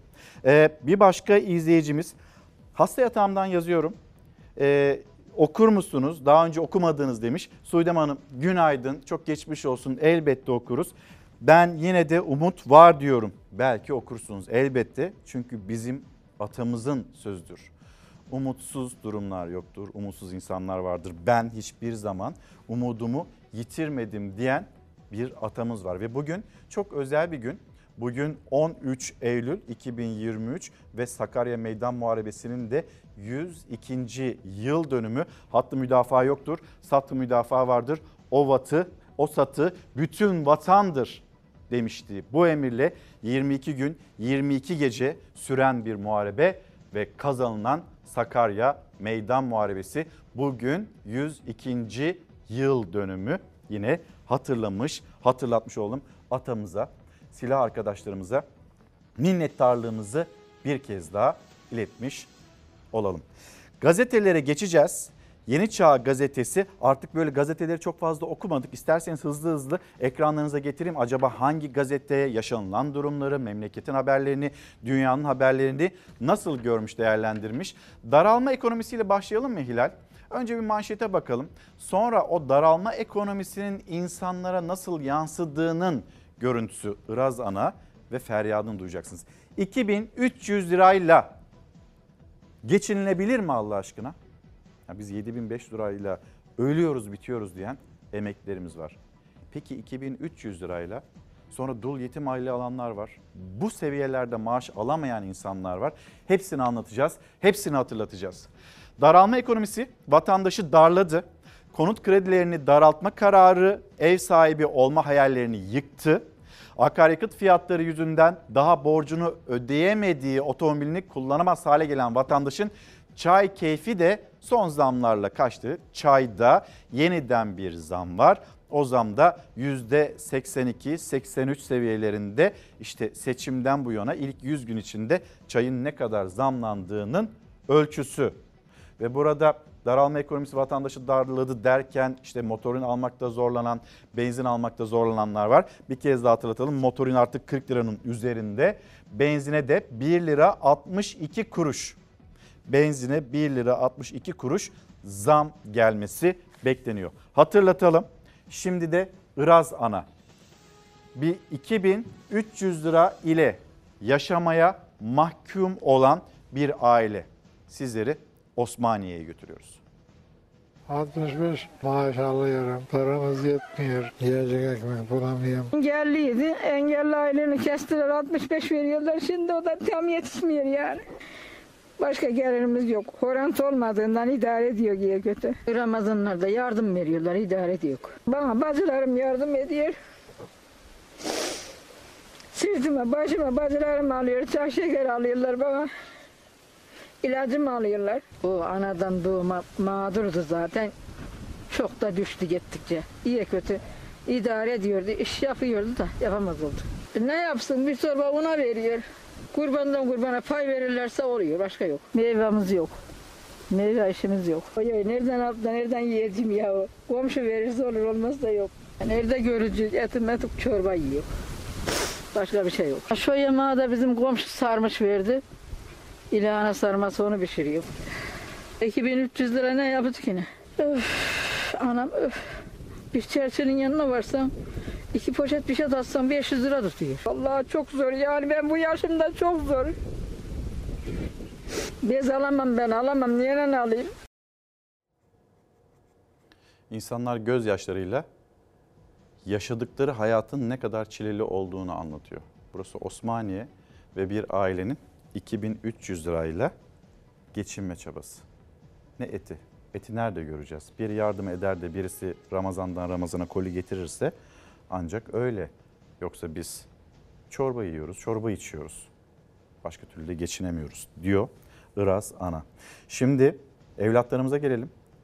Okullara karnı aç bir şekilde ya da evde ne varsa böyle ufacık bir kahvaltıyla gönderilen ama okulun içinde e, bir şey de yiyemeyen, kumanyası da olamayan, harçlığı da olamayan çocuklarımız var. Öyle olmasın diye 900 bin öğrenciye beslenme desteği veriliyor. İstanbul Büyükşehir Belediyesi okul beslenme desteği projesi kapsamında 39 ilçede yüzün üzerinde okul önünde öğrencilere beslenme desteği sağlanıyor. Tabii bir yandan da ilçe belediyeleri de mesela Beylikdüzü Belediyesi bugün böyle bir açıklama yapacak. O beslenme çantalarını yine çocuklara geçen sene olduğu gibi ulaştıracak.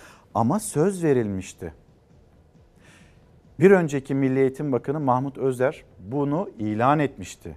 Evlatlarımız okulda aç kalmayacaklar demişti. Ama ne oldu? Evrensel Gazetesi'nin manşeti seçim bitti, yemek de gitti. Ben bir tane torunuma bakamıyorum yeri geldiği zaman. Beslenme koyamıyorum yani.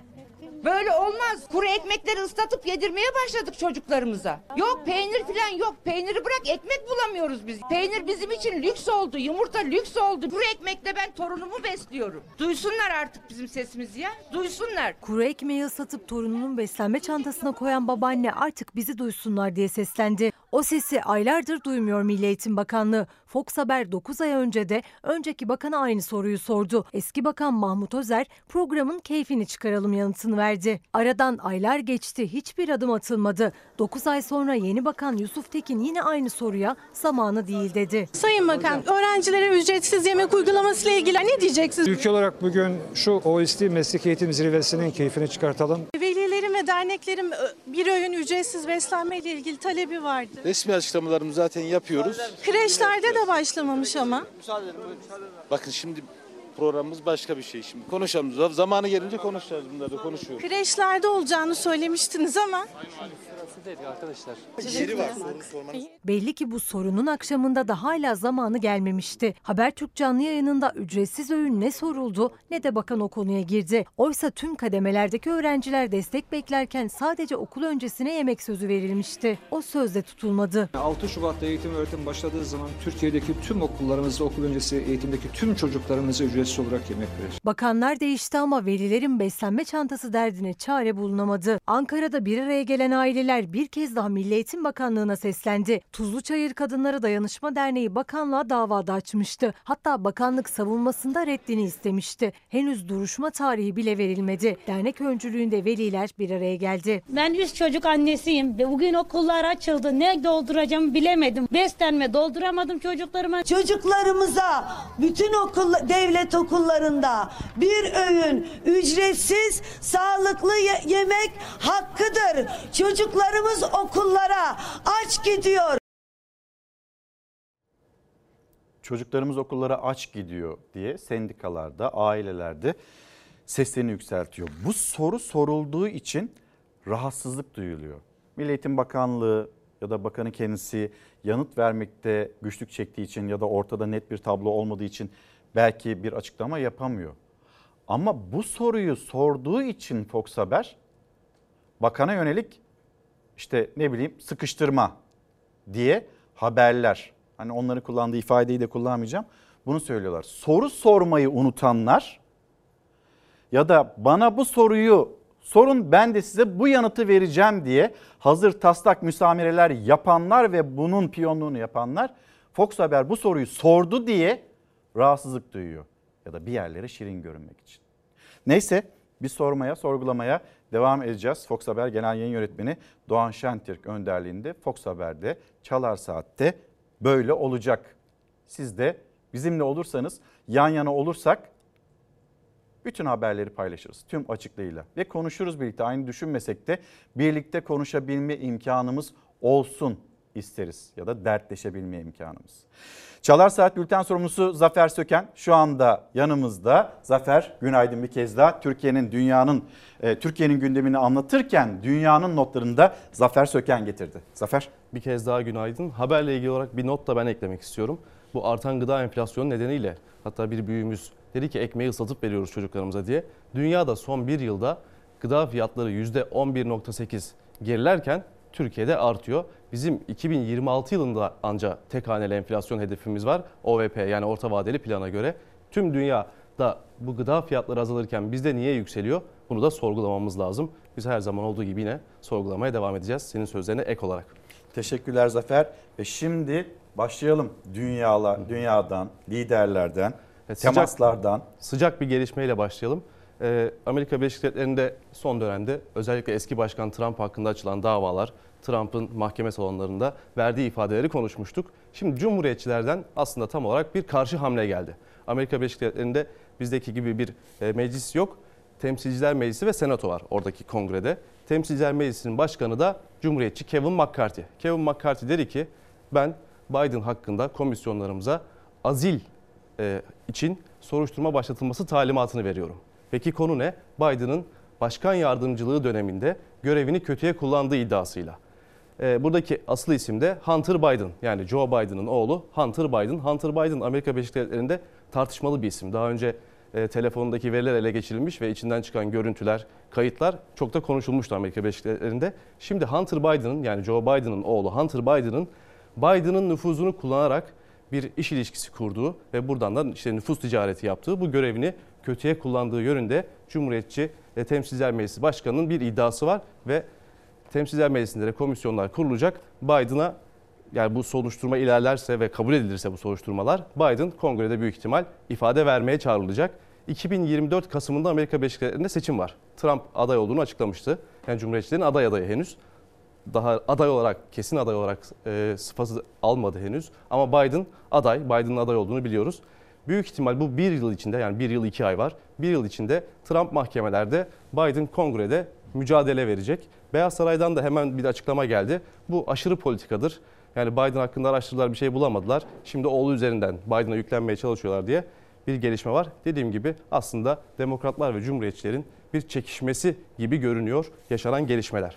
Peki şimdi Biden'dan sonra komşuya gideceğiz ama e, içinde Türklerin de olduğu bir haber. Hatta ulusal zaman gazetelerin manşetinde de vardı. Evet bugün gazetelerin manşetlerinde e, hatırlatmış da olalım. Zafer Söken de e, notlarını paylaşsın yeni sıcak gelişmesini. Hürriyet gazetesi ölüm çetesine Atina'da pusu. İstanbul'da rakip gruplara yönelik yaptıkları kanlı saldırılarıyla tanınan ölüm çetesinin elebaşı Barış Boyun'un 6 adamı Atina'da pusuya düşürülerek öldürüldü. Çete yurt dışındaki 4. saldırıda toplam 9 kayıp vermiş oldu. Ne oluyor? Bu hesaplaşmalar neyin nesi? Önceki gece Atina yakınlarında, Atina'ya yaklaşık 40 kilometre uzaklıkta bir köyde yaşandı bu saldırı. Silah sesleri duyuldu. Sahte Alman plakası taşıyan aracın içindeki 6 kişiye kurşun yağdırıldı adeta. 6 kişi de hayatını kaybetti. Bunun bir çete hesaplaşması olduğu düşünülüyor. Yani Yunan polisi, Yunan basınından öğrendiğimiz kadarıyla ölen 6 kişi Türk. İşte söylenen Barış Boyun'un adamları olduğu söylenen 6 kişi hayatını kaybetti saldırıda. Ancak saldıranların da Türk olduğunu yazıyor Yunan basını. Burada bir hesaplaşma var. Ölüm çetesi diyorlar. Bu çeteyi daha çok burada motosikletli saldırılarıyla biliyoruz. Yani başka suç örgütlerine yönelik motosikletli infaz e, timleriyle biliyoruz daha çok. Burada da çete savaşı olduğu yani bu çete savaşının Türkiye'den ithal olduğu nu yazıyor Yunan basını. Gelişmeler devam ediyor. Bir gözaltı olduğu bilgisi vardı Yunan basınında yine. O gözaltındaki kişinin de Türk vatandaşı bir kişi olduğunu yazıyorlar. Yani Türkiye'deki o hesaplaşmanın Yunanistan'a yansıdığını düşünüyorlar. Yunan basının iddiası bu yönde. İlginç bir e, durum ve acaba bu soruşturma nasıl ilerleyecek ve ortaya neler çıkacak? Şimdi İsrail. Evet, İsrail Gazze sınırına gideceğiz. Filistinli tutukların haklarını duyurmak için ve İsrail'in yaptığı hak müdahalelerine tepki göstermek için Filistinliler dün gece Gazze sınırında o dikenli tellerin hemen yanında lastikler yakarak bir gösteri düzenledi. Ancak e, yine İsrail polisinin görüyoruz müdahalesi de gecikmedi. İsrail polisi burada gösteri yapan protestoculara gaz bombalarıyla saldırdı ve çok sayıda Filistinli de nefes almakta dahi güçlük çekince ambulanslar geldi. Onları hastaneye kaldırdılar. Yani Gazze şeridinden yine ne yazık ki bildik görüntüler geliyor. Şimdi Rusya'ya gidebiliriz. Şimdi Rusya'ya gidelim. Az önce de söylemiştik. O temasta şu anda kuruldu. E, kim? Rusya'da. Evet, Kuzey Kore lideri Kim Jong-un. Onun meşhur bir treni vardır, zırhlı tren. Yani Kim Jong-un deyince akla gelen e, görsellerden biridir o. Kim Jong-un Rusya'ya gitti. Peki niye gitti? Bayram değil, seyran değil. Bu ziyaret niye gerçekleşti? İki tarafında karşılıklı aslında talepleri var birbirlerinden. Rusya Ukrayna'ya karşı 24 Şubat 2022'de bir savaş başlattı. Bir işgal girişiminde bulundu. Hatta bazı yerleri de Ukrayna'nın işgal, Rus işgali altında şu an. Ancak Rusya'nın mühimmatı ve silahları azalmaya başladı. Bir buçuk yıl süren bir savaş neticesinde. Rusya Kuzey Kore'den silah ve mühimmat istiyor. Peki Kuzey Kore ne istiyor? Kuzey Kore'de kendisi de ambargolu bir ülke olduğu için gıda ve ham madde sıkıntısı çekiyor. İşte bu sabah bir araya geldiler. Kim Jong-un ve Rusya Devlet Burada Başkanı bir ortaklaşma, bir işbirliği, dünyaya karşı Dünyadan soyutlanmış okuma. iki ülke durumunda hem Kuzey Kore hem Rusya şu an için söyle, söyleyebiliriz. İkisi de birbirine bir destek arayışında. Yani ihtiyaçlarını karşılamak için yaptıkları görüşmeler var. Dünyada bu görüşmeyi çok yakından takip ediyor. Ne olacak, nasıl bitecek? Rusya kendisine yeni silahlar eklerse Rusya-Ukrayna savaşı başka bir boyuta mı geçecek? Dünya yine diken üstünde her zaman olduğu gibi. Ve şimdi Novak. Evet Novak Djokovic pazar sabah vermiştik. Pazar gece Amerika açıkta Grand Slam'i kazanmıştı Novak Djokovic. 24. Grand Slam'ini kazanmıştı Sırp raket. Şimdi dünya şampiyonu yani dünyanın bir numaralı tenisçisi ünvanına sahibi oldu şu an. Memleketine döndü Sırbistan'ın başkenti Belgrad'a ve Belgrad'da hatta savaştan rica edelim görüntüleri büyüsün o coşkulu karşılamayı görelim. Tam Ee, ekran halinde. Novak Djokovic Bakalım. memleketinde, ülkesinin başkentinde böyle coşkulu bir kalabalık tarafından karşılandı ve işte şampiyonun gözyaşları o karşılama sonucunda çok duygusal anlar yaşadı. Tabii bunu görünce benim aklıma gelen hemen e, Atatürk'ün kızları filenin sultanlarına biz böyle coşkulu bir karşılama ne yazık ki yapamadık. Biz Ama böyle işte coşkulu Sırbistan bir sahip çıkıyor raketine. yapamadık. Şimdi Atatürk'ün kızları, Filenin sultanları o finalde bir önceki finalde kaybettiklerinde gözyaşlarına boğulmuşlardı. İkinciliğe asla kabul etmeyen Atatürk'ün kızları sonrasında ne yaptılar? Sonrasında bize Avrupa şampiyonluğunu, dünyanın en büyük e, kupalarını getirmeyi başardılar. Bir bilgisi var. Filenin Sultanları Rüya takıma damga vurdu. A Milli Kadın Voleybol takımından Gizem Örge, Melisa Vargas, Cansu Özbay, Ebrar Karakurt ve Zehra Güneş. Cev Kadınlar Avrupa Futbol Voleybol Şampiyonası'nın Rüya takımına seçildi. Şimdi böyle bir başarı var. Rüya takımına seçilen kadınlarımız var, Atatürk'ün kızları var. Bir de bütün imkanların sunulduğu özel uçaklar, inanılmaz transferler, harika bir şekilde e, ağırlanan, karşılanan, her şeyde ön plana çıkartılan futbolcularımız var. Milli takımımız onlar da başarılı olsunlar istiyoruz ama voleybolun da geride kalmasını istemiyoruz. Futbolda Japonya'ya yenildik. Japonya 4-2 Türkiye'yi yendi. Şimdi bu iki bilgiyi paylaştık. Sen e, Djokovic'ten söz ettin. Ben de bir şampiyondan söz edeyim. Hatta sizleri Tekirdağ'a götürelim. Tekirdağ'da yine Djokovic gibi karşılanan bir şampiyonumuz var. Emirhan. Hedefim şimdi Antalya'da düzenlenecek olan e, yarışmaya hazırlanıyorum. Dünya şampiyonası mı? Evet, Dünya, Dünya Şampiyonası'nda. Şampiyonası'nda. Orada yine iki altını e, alacağıma söz veriyorum. Dünya rekoru kırdı, Avrupa şampiyonu oldu. Down sendromlular Avrupa şampiyonasında altın madalyayı Emirhan Akçakoca kucakladı. Tekirdağ'ın çocuğu, Ormanlı köyünün çocuğu ve yaklaşık 7 senedir Lokman hocamla beraber Gençlik ve Spor İl Müdürlüğü kulübünde, bünyemizde yetişen bir şampiyon, gurur duyduğumuz, onur duyduğumuz bir sporcumuz. İtalya'da düzenlenen Down sendromlular Avrupa Şampiyonası'nda 100 metre uzun atlama ve gülle atmadan oluşan yarışlarda daha önce kendisine ait olan 2298 puanın da üstüne çıktı. Emirhan Akçakoca 2320 puanla Avrupa şampiyonu oldu. Emirhan çok mutlu, çok heyecanlı. Biz de onun mutluluğunu, heyecanını paylaşıyoruz. Ee, çok güzel bir hazırlık dönemi geçirdik. İtalya'ya yarışmamıza gittik. Hedeflediğimizi yaptık. Emirhan memleketi Tekirdağ'da şampiyonluğa yakışır şekilde karşılandı. Onun için oluşturulan konvoyla sokak sokak mahalle mahalle gezdi. Emirhan şimdi Antalya'da düzenlenecek şampiyonaya hazırlanıyor. O iki altın madalya sözü verecek kadar kendinden emin. Hedefim şimdi Antalya'da düzenlenecek olan e, yarışmaya hazırlanıyorum. Dünya şampiyonası mı? Evet, Dünya, Dünya Şampiyonası'nda. Şampiyonası'nda. Orada yine iki altını e, alacağıma söz veriyorum. Emirhan Avrupa şampiyonu ve tebrik ediyoruz. Devam edelim. Şimdi hızlı bir şekilde Zafer Söken dünyadan ilginç görüntüleri de ekranlarınıza getirecek. Evet, İtalya'ya gideceğiz. Başkenti Roma'ya. Roma'nın en meşhur noktalarından biri Fontana di Trevi, Trevi Çeşmesi ya da diğer adıyla Aşk Çeşmesi. Yani Roma'ya giden herkesin mutlaka gittiği noktalardan biri.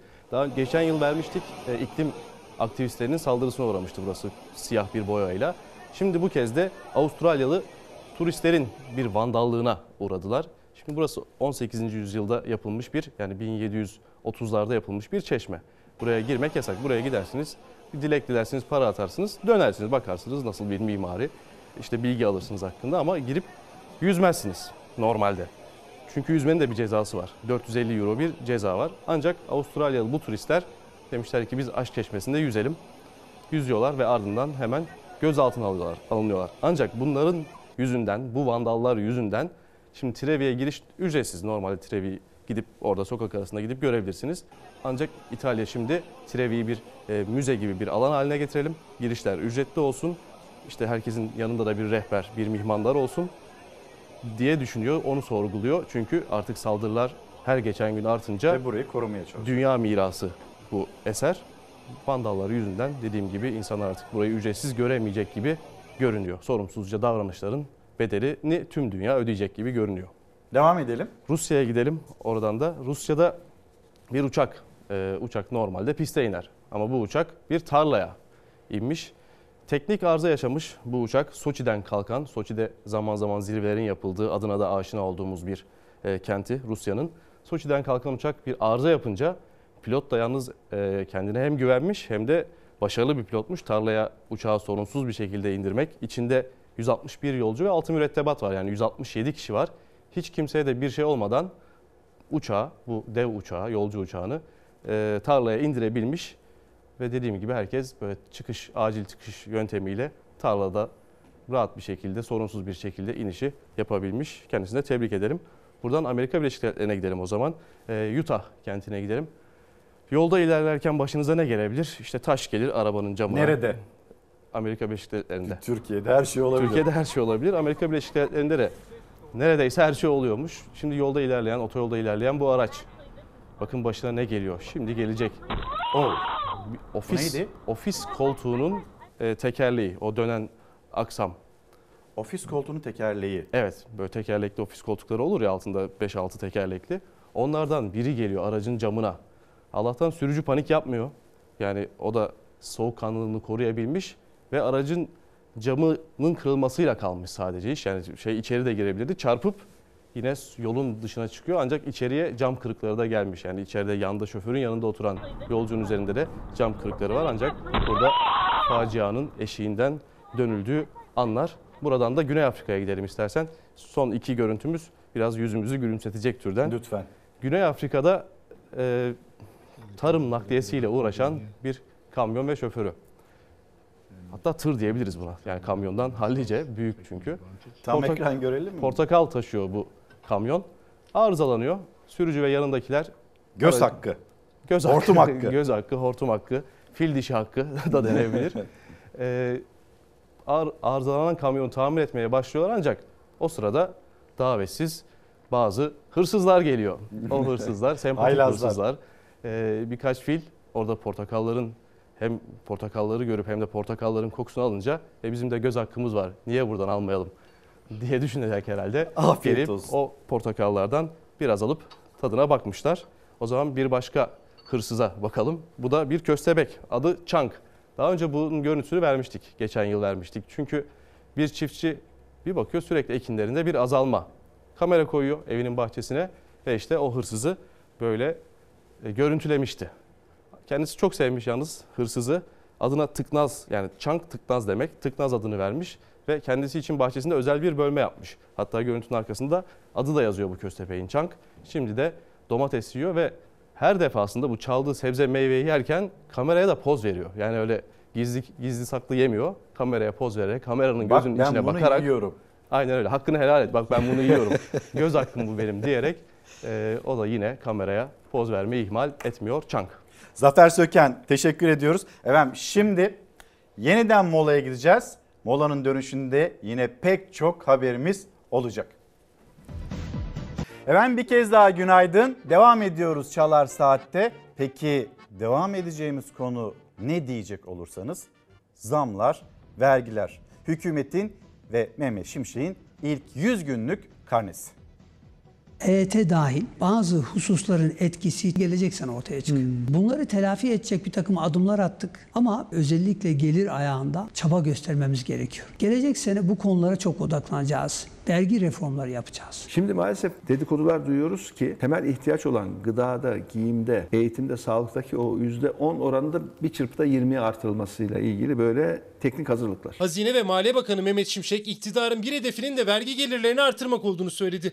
Deva Partisi lideri Ali Babacan gıda, eğitim, sağlık, giyim gibi temel ihtiyaçlarda %10 olan KDV'nin %20'ye çıkarılmasına yönelik bir çalışma olduğunu dile getirdi. Bu yıl milletten 1 trilyon liradan fazla ek vergi aldınız. Gelecek yıl bu vergi artışlarıyla bu hükümet herhalde milletimizin canını alacak. Seçimden hemen sonra vergi artışlarına gitti iktidar. KDV oranları %8'den %10'a, %18'den %20'ye yükseltildi. Akaryakıtta ÖTV artışı, ek MTV, diğer adımlar. Enflasyonla alım gücü eriyen vatandaşın vergi yükü de katlandı. Vergi artışlarına gittik. Bu bir milli dayanışma paketi. Büyük bir felaket olmuş.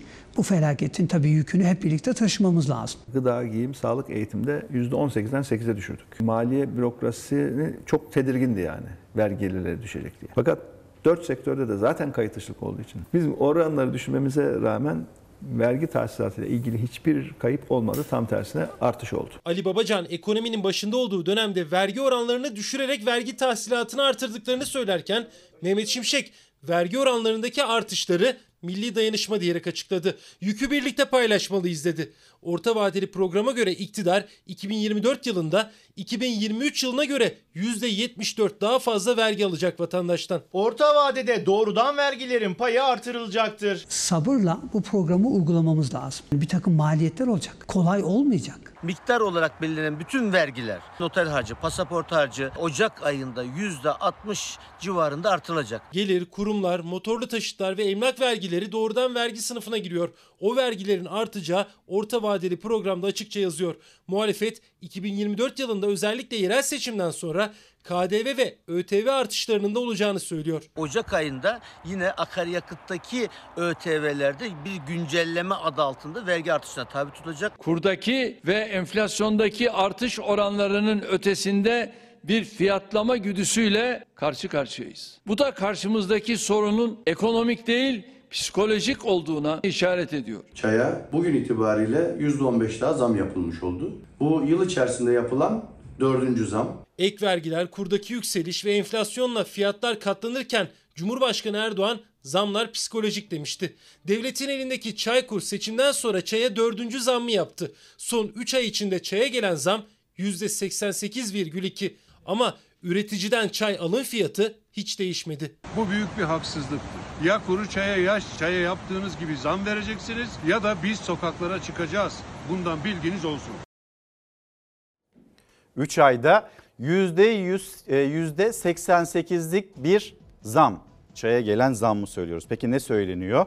Ee, Hazine ve Maliye Bakanı Mehmet Şimşek tarafından milli dayanışma, e, yükü birlikte paylaşma, sonra anlayış bekliyoruz toplumun tüm kesimlerinden. O zaman Bir Gün Gazetesi yönetmenimizden Savaş'tan ben bir rica edeyim. Anlayış bekleniyor ya, bakın insanlar ne halde ve nasıl geçinmeye çalışıyor. Bir Gün Gazetesi'nin manşeti tüm aile ekmek peşinde. Evin yükü çocuk ve gencin sırtında. Hayat pahalılığıyla birlikte derinleşen yoksulluk ailenin tüm fertlerini çalışmak zorunda bıraktı.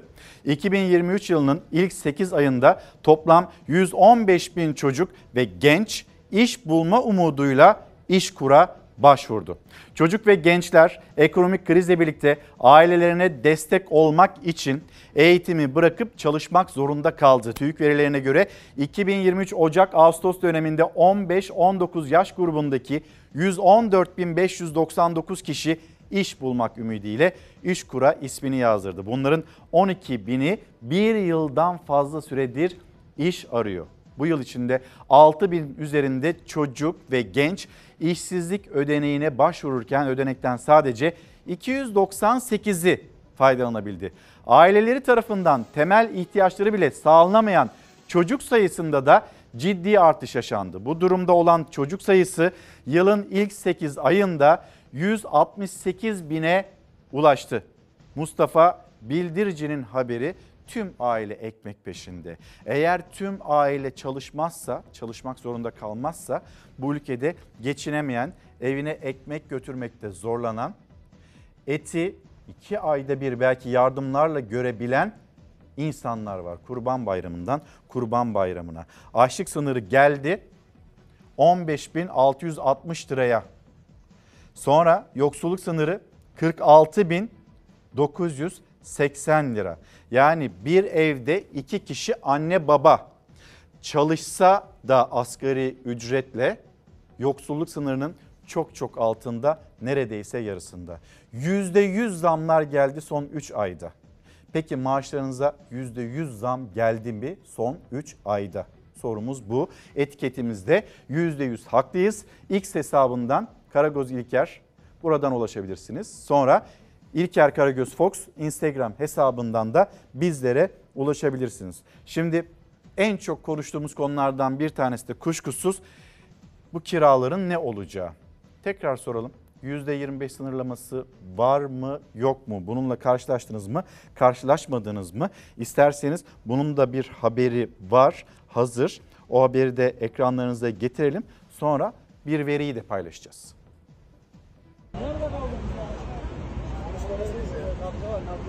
İddiaya göre kira artışı nedeniyle başladı tartışma. O tartışma korkunç bir cinayetle sonuçlandı. Kiracısı tarafından defalarca bıçaklanan ev sahibi Serkan Akçiçek Kaldırıldığı hastanede hayatını kaybetti. O an müdahale etmeye çalıştık belki kurtarırız diye ambulansı falan aradık ama e, iş işten geçmişti o an artık elden de bir şey gelmedi. Kiracı ev sahibi kavgalarında bir kez daha kan aktı. İstanbul Esenler'de Serkan Akçiçek kiracısı olan Selahattin D ile bir süredir kira anlaşmazlığı yaşıyordu. Akçiçek kiracısından evden çıkmasını istedi. İkili cadde üstünde tartışmaya başladı. O tartışma kavgaya dönüştü. Selahattin D ev sahibini defalarca bıçakladı. Bir ses geldi karşı taraftan. Bağırış çağırış gelince biz de koştuk. O sırada yerde gördük Serkan'ı. Yaralanmıştı. Ee, vuran da Selahattin abiymiş zaten. O da başındaydı. Ev sahibi aldığı bıçak darbeleriyle yere yığıldı. Kiracısı ise yardıma koşanlarla birlikte polis ve ambulans gelene dek ev sahibinin başında bekledi. Polisi zaten kendisi teslim oldu. Başındaydı hatta kendi elbisesini çıkarıp tampon için kendisi zaten mücadele etti orada. Ağır yaralanan Akçiçek'e ilk müdahale olay yerinde yapıldı. Ancak Akçiçek kurtarılamadı. İkisi de çok iyi insanlar. Birbirlerini de tanıyorlar, beraber oturup kalkıyorlar. Açıkçası nasıl olduğunu bilmiyorum. Ev sahibini öldüren kiracı gözaltına alındı. Adliyeye sevk edilen zanlı kasten öldürme suçundan tutuklanarak cezaevine gönderildi. Görüyorsunuz değil mi? İkisi de çok iyi insanlar. Birlikte oturup kalkıyorlardı. İşte karşılaştığımız durum. Kira kavgası cinayetle bitti. Akşam gazetesinin ilk sayfasında. Altındaki haberde 7651 kişi ara bulucuda. Hemen onu da okuyalım. Adalet Bakanı Tunç dün bunun bilgisini vermiştik. Bir de detaylandıralım. Adalet Bakanı Tunç kira anlaşmazlıkları için 10 günde 7651 kişinin ara bulucuya başvurduğunu belirtti. İlk gün sonuçlanan dosyalar bile olmuş. Böyle bir memnuniyet dillendiriliyor. Peki ne olacak? Bir kiracı, bir ev sahibi, onların arasında çıkan ve cinayete varan tartışma. Bunlar olmasın diye daha nasıl sıkı önlemler alınabilir? Bunun üzerinde de durulması gerekiyor. Arabuluculuk yöntemi. Neden arabuluculuk yöntemi gelir yasa varsa, %25'lik bir sınırlama varsa kimi kimle e, tekrar buluşturmaya anlaştır, anlaştırmaya çalışıyorsunuz? Arabuluculuk demek şöyle bir şey mi? Bir kez daha soralım müsaadenizle. Tamam %25 çok da hakkaniyetli olmayabilir günümüz şartlarında. Gelin ellerinizi biz buluşturalım. %50 %60'larda bu işi bağlayalım. Böyle bir yaklaşım mı? İlk günde sonuçlanan dosyalar olduk. Yüzde kaçlık zam oranlarında anlaştırdığınızda lütfen bir paylaşır mısınız? Bu da önemli çünkü. Emsal teşkil edecek. E, hukukta, yargıda emsal önemlidir neticede. Belki Adalet Bakanlığı bununla ilgili de bir açıklama yapar. Gazetelerden devam edeceğiz. Yeni Çağ Gazetesi'nin manşeti pek çok gazetenin manşeti aslında ekonomi. Vatandaşın gündemi ekonomi. Yani iktidar, onun söylemleri, onun anlattıkları elbette takip ediliyor. Muhalefet, muhalefet cephesinde olanlar değişim, işte büyük kurultay yaklaşıyor. Adaylıklar tartışılıyor. Sonra yerel seçimlerle ilgili Cumhuriyet Halk Partisi'nin adayı kim olacak? İyi Parti ile bir işbirliği olacak mı olmayacak mı? Bunlar elbette dikkatle takip ediliyor. Da neticede insanlar cüzdanına bakıyor. İnsanlar mutfağına o yiyecekleri, gıdaları alabiliyor mu, koyabiliyor mu? Buzdolabını doldurabiliyor mu? Çocuklarını geçindirebiliyor mu? Neticede buna bakıyor. Ve insanlar kredi kartlarıyla yaşıyor birçok bankadan pek çok kredi kartı bir tanesi yetmiyor. Diğerine geçmek zorunda kalıyor. Birinin asgari e, ödemesini yapıyor. Diğerinden harcama yapıyor ve günü geçirmeye çalışıyor. Günü çevirmeyi, günleri çevirmeye çalışıyor. Şimdi bu da yapılamayacak. Çünkü bir sınırlama geliyor kredilere ve kredi kartlarına. 1 Eylül itibariyle yıllık kredi kartı e, üzerinden kredi hacmi yüzde 140 civarında artmıştı. Yüzde 140. Yani enflasyonun iki katından fazla. Bu kadar yüksek seyreden e, bir kredi hacmiyle siz enflasyonu kontrol altına alamazsınız. Doğru teşhis değildir. Teşhis yanlış. Yanlış teşhisle e, ortaya konulan çözümün de ben doğru olmadığını düşünüyorum. Orta vadeli programa yazılmıştı. Hazine ve Maliye Bakanı Mehmet Şimşek de tekrarladı. Yüksek enflasyona çare olarak kredi kartlarına sınırlama getiriliyor. Ancak uzmanlara göre hem teşhis doğru değil hem de tüketicinin son can simidi de elinden alınacak. Bu düzenlemeler vatandaşın refahını doğrudan azaltmaya yönelik düzenleme. Millet e, mecburiyetten kullanıyor zaten. Kimse zevk için kullanmaz. Ekonomi yönetiminin hedefi katlanan enflasyonu düşürmek. Bunun için de tüketimi azaltmayı planlıyorlar. Tüketimi zaten nakitle yapılamadığı için kredi kartlarına sınırlama gündemde. Eylül ayı ile birlikte kredi kartı faizlerinde artışa gidildi. Yeni adımlar da atılacak, tüketici daha da zorlanacak. Kredi kartı limitlerinin e, düşürülmesi gibi bir uygulama söz konusu olabilir. Taksit yapılmasına ilişkin çok ciddi kısıtlamalar getirilebilir. Temel ihtiyaçların tamamını sanırım kredi kartıyla harcıyorum. Alışveriş yapmışsınız. Yaptık. Nakit parayla mı aldınız, kredi kartıyla mı? Kredi kartıyla. Nakit olayı bitti gibi bir şey. Nakitimiz elimizde olmuyor maalesef. Anca geçiniyoruz emekli olduğumuz için. Tüketiciler temel gıdayı da içeren market alışverişinden, ekmekte aldıkları fırın alışverişine, oturdukları bir kafede içtikleri kahveye kadar parasını kredi kartıyla ödemeyi tercih ediyor. Eğer kredi kartına kısıtlama gelirse bu sadece tüketicileri değil esnafı da zor durumda bırakabilir. Müşteriler daha çok nakit alışverişe Kredi kartı. Vatandaşı zorlar. Şu anda vatandaşın elinde nakit para yok. Eğer onu yaparsa zorlar. esnafı zorlar. Zorlar tabii ki. Şu anda kimsede para yok. Türkiye'de enflasyon talep yüksek olduğu için artmıyor. Bugün Çaykur çay fiyatlarına %15 zam yaptı. Çaykur'un zam yapmasının sebebi vatandaşın her gün daha fazla bardak çay içiyor olması mı? Maliyetler ve diğer unsurları niye dikkate almıyoruz? Vatandaş çok para harcıyor. Onun eriştiği para kaynaklarını sınırlandırırsak enflasyon düşer. E, KDV'yi indirin. Hükümet yine kendi kasasından değil tüketicinin cebinden kısmaya hazırlanıyor. Maaşımızla denk gelmiyor. Mecburen onu kullanıyoruz ay sonunda. Başka şeylerle uğraşabilirler bence. Ne mesela? Zamları durdurabilirler bence. Her dakika her gün uyanırız farklı bir zam. Aslında bu kadar net. Ee, oradaki büyüğümüzün söylediği gibi insanlar bunu mecburiyetten kullanmak zorundalar.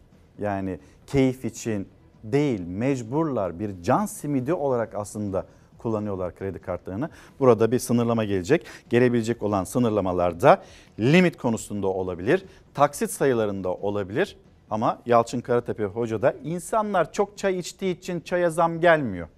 Maliyetler nedeniyle her, gün her şeye zam geliyor. Bunun düzeltilmesi için de dönüp bakılacak yer ekonomi yönetimi. Bir önceki ekonomi yönetimiyle ve onun davranışıyla, onun ekonomiyi okumasıyla ya da Cumhurbaşkanı Erdoğan'ın ekonomistliğiyle şu anda Mehmet Şimşek'in ekonomistliği arasında dünyalar kadar fark var. İki farklı politika. Önceki politikayla geldiğimiz yer burası. Şimdi düzelteceğiz, toparlayacağız denilirken bizden toplanacak olan vergiler 3 kat artacak 2026'ya kadar ve 2026'da enflasyonun da tek hanelere geleceği söyleniyor. Deprem bölgesine gideceğiz. Cumhuriyet Gazetesi'nde yine çok çarpıcı bir haber var. Onu da hatırlatalım.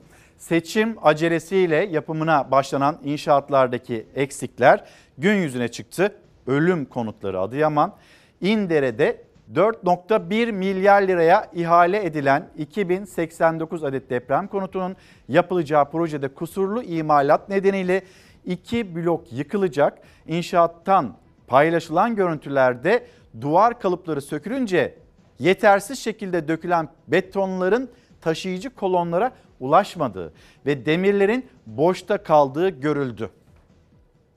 Yani bir ev yapıyoruz güvenli olsun diye.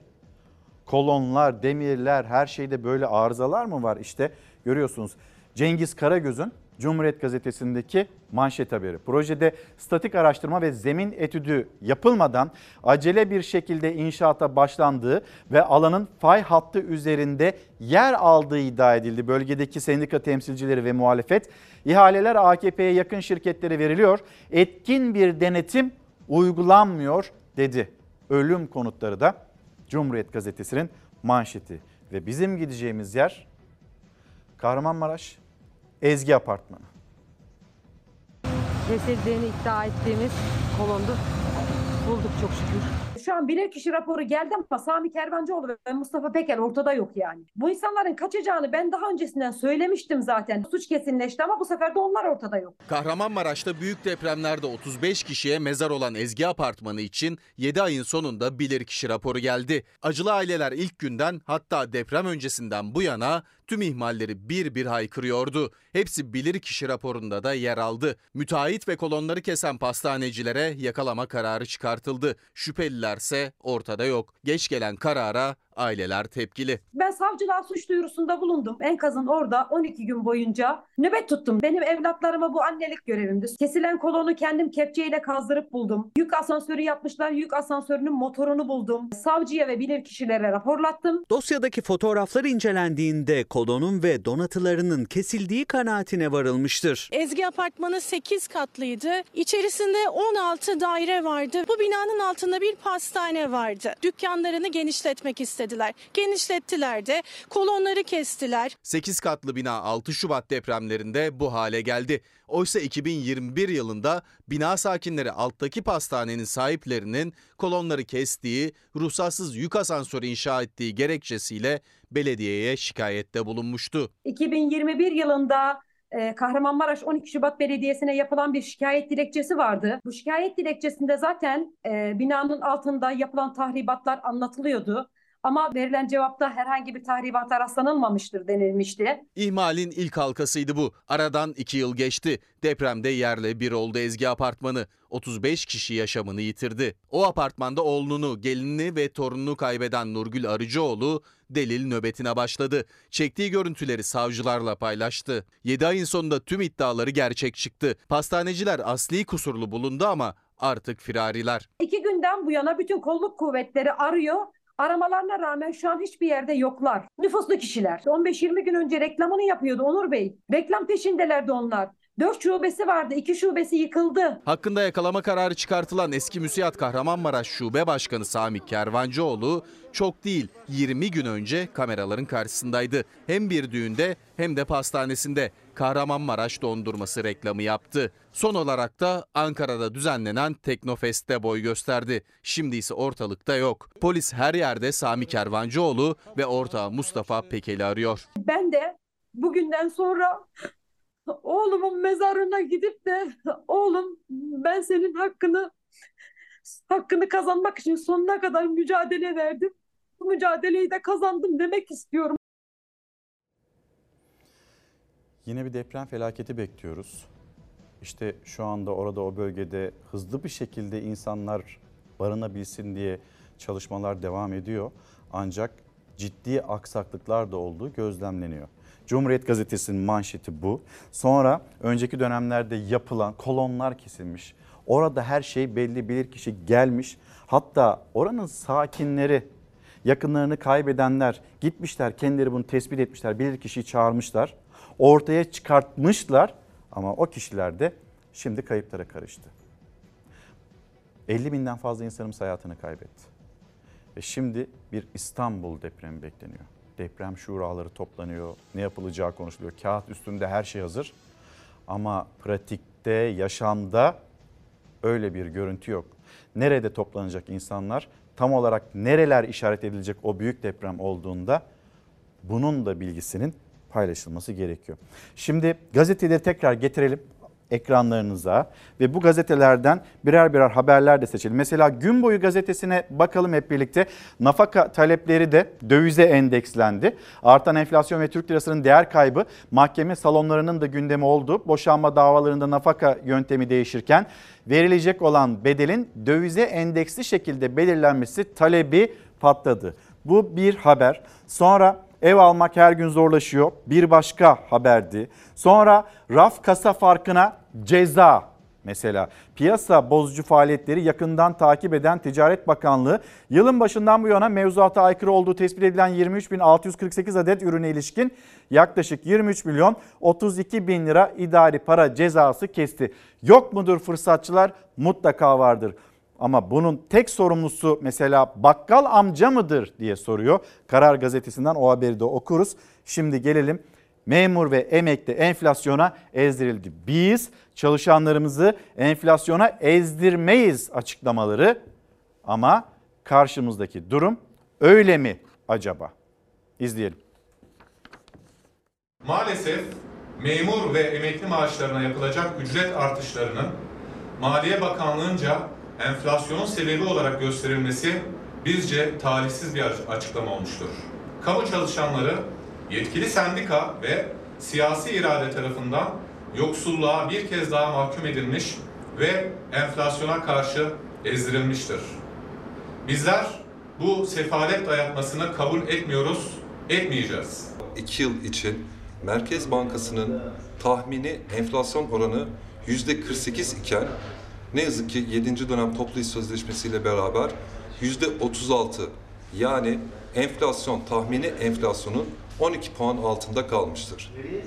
Devletin memuru yoksul olamaz. Yoksulluk sınırı ülkemizde 39 bin Türk lirasını geçmiştir. Devlet memurunu, kamu emekçisini yoksulluğa hapseden, yoksul dahi olamayan bu şartların bir an önce iyileştirilmesi ve sağlık çalışanlarının bu topluma daha kaliteli, daha konforlu sağlık hizmeti sunarken geleceğe de umutla bakacağı şartların inşası gereklidir. Devletin memuru yoksul olmaz. Memurların verdiği mesaj bu. İlettikleri bu. Acaba düzelir mi, düzelmez mi? İstedikleri oranda zamları görürler mi? Haklılar mı? Yüzde yüz haklılar. Bu ülkenin üreten, çalışan ve bu ülkenin daha da gelişebilmesi için emek veren, ter döken herkes haklı ama herkes hakkını alamıyor. Bir haberimiz var. Hiç böyle bir e, endeks görmediniz aslında. Hiç böyle bir hesaplama görmediniz. Lüks araçlar üzerinden bir ekonomi hesaplaması yapalım mı birlikte? Nasıl oluyor da bu kadar dar boğaz yaşanırken bir kesim dar bir kesim o lüks araçları daha da pahalıya alabiliyor? Bunun hesabı.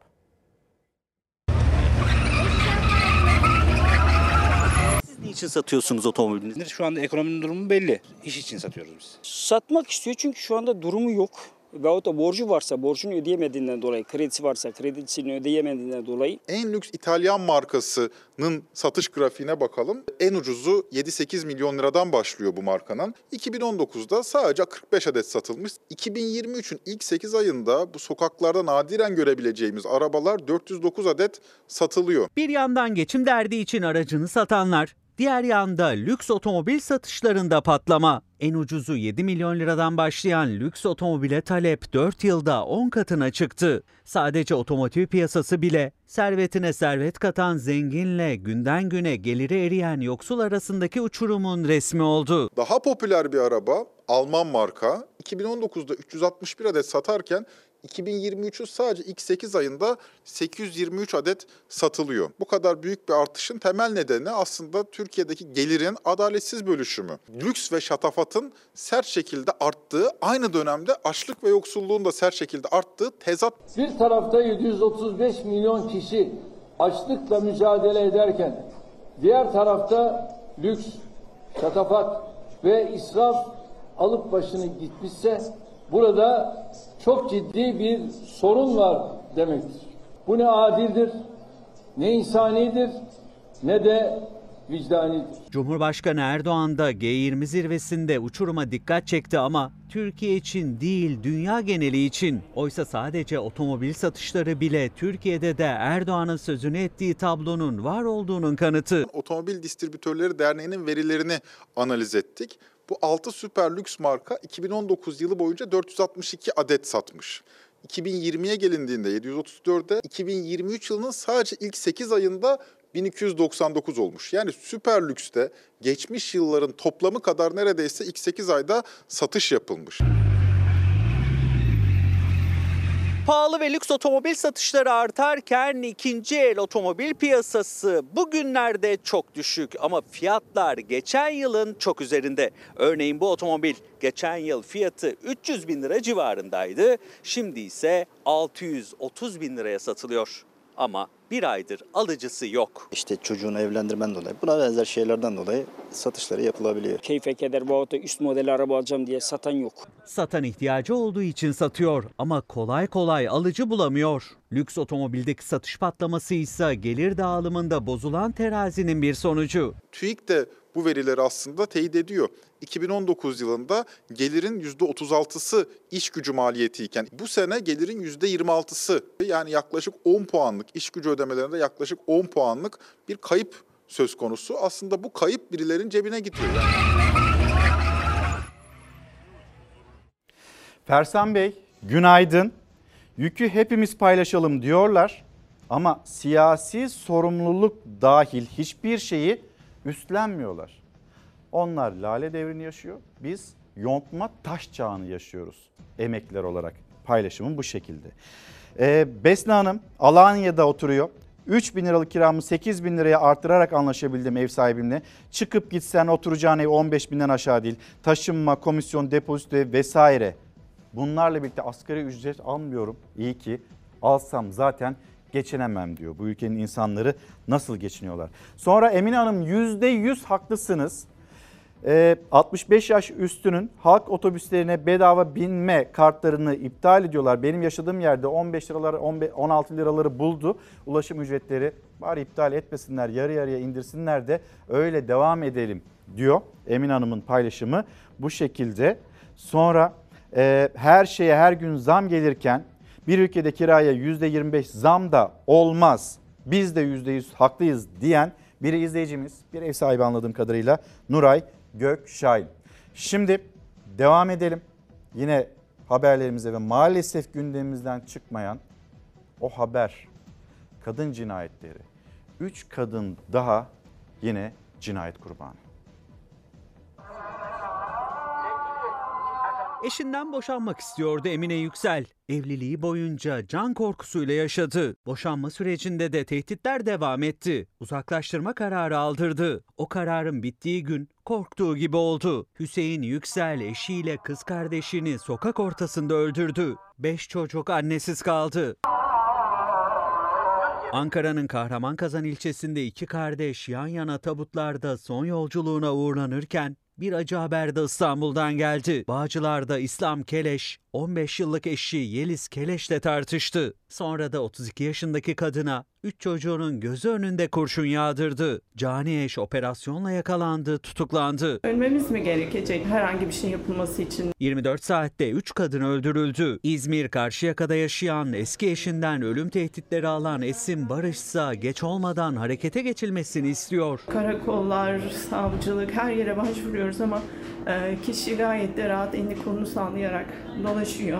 E, her gün darp ettiği halde, her gün ölüm tehdidi e, aldığımız halde ölmemiz mi gerekecek herhangi bir şey yapılması için? Şiddet gördüğü gerekçesiyle doktor eşinden 4 ay önce boşandı Esim Barış. 35 yıldır evliydiler. Ancak tehditler hiç bitmedi. Esim Barış en çok da velayeti babasına verilen 17 yaşındaki kızı için endişeleniyor. İddiasına göre kızı da şiddet görüyor. Kızını görmek istediğinde ise kendi de saldırıya uğradı. Sesini çıkar, çıkarmıyoruz diye ben seni gebertirim resmen ha. İki çocuğunun babası Mustafa B'den defalarca şikayetçi oldu. Uzaklaştırma kararı aldırdı. Ancak kabusu bitmedi. Esim Barış acı sonla karşılaşmamak için yardım bekliyor. Artık biz adaletin gerçekleşmesini bekliyoruz. Her gün e, bu korkuyla yaşamak istemiyoruz. Biz her gün karakollarda, e, şikayetlerde e, e, ölüm tehditleriyle yaşamak istemiyoruz. Ölmemiz mi gerekecek herhangi bir şey yapılması için? Tüm bu korkunun, şiddetin, cinayetlerin son bulması için çaba gösteren Kadın Cinayetlerini Durduracağız platformu derneğine ise kapatma davası açılmıştı. Çarşamba günü karar duruşması var. Kadın cinayetlerini durdurmaya çalışırken, veriler raporlayıp davaları takip ederken, kamuoyunu bilgilendirirken ahlaka aykırı faaliyet yürüttüğümüz iddia ediliyor. Bizler kadın cinayetlerini mutlaka durduracağız. Büyük bir mücadele kadınlarda hayatta kalabilmek için. Yardım istiyorlar, yardım bekliyorlar. Hayatta kalabilmek için korunmayı bekleyen kadınlar var ve biz de bu mücadeleyi bırakmayacağız, devam ettireceğiz diyen güçlü kadınlar. Efendim bugün e, Dünya Sepsis Farkındalık Günü. Şimdi öyle bir hastalık ki basit bir grip gibi başlıyor ama ölümle bile sonuçlanabiliyor maalesef. Bu konuda Profesör Doktor Necmettin Ünal'ın çok önemli uyarıları var.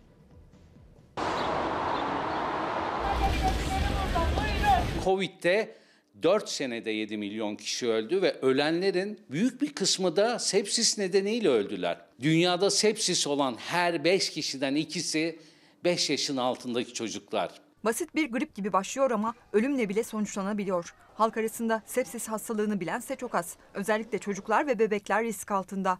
Ankara Üniversitesi Tıp Fakültesi öğretim üyesi Profesör Doktor Necmettin Ünal sepsis hastalığına dikkat çekti. Erken tanı ve tedavi şart dedi.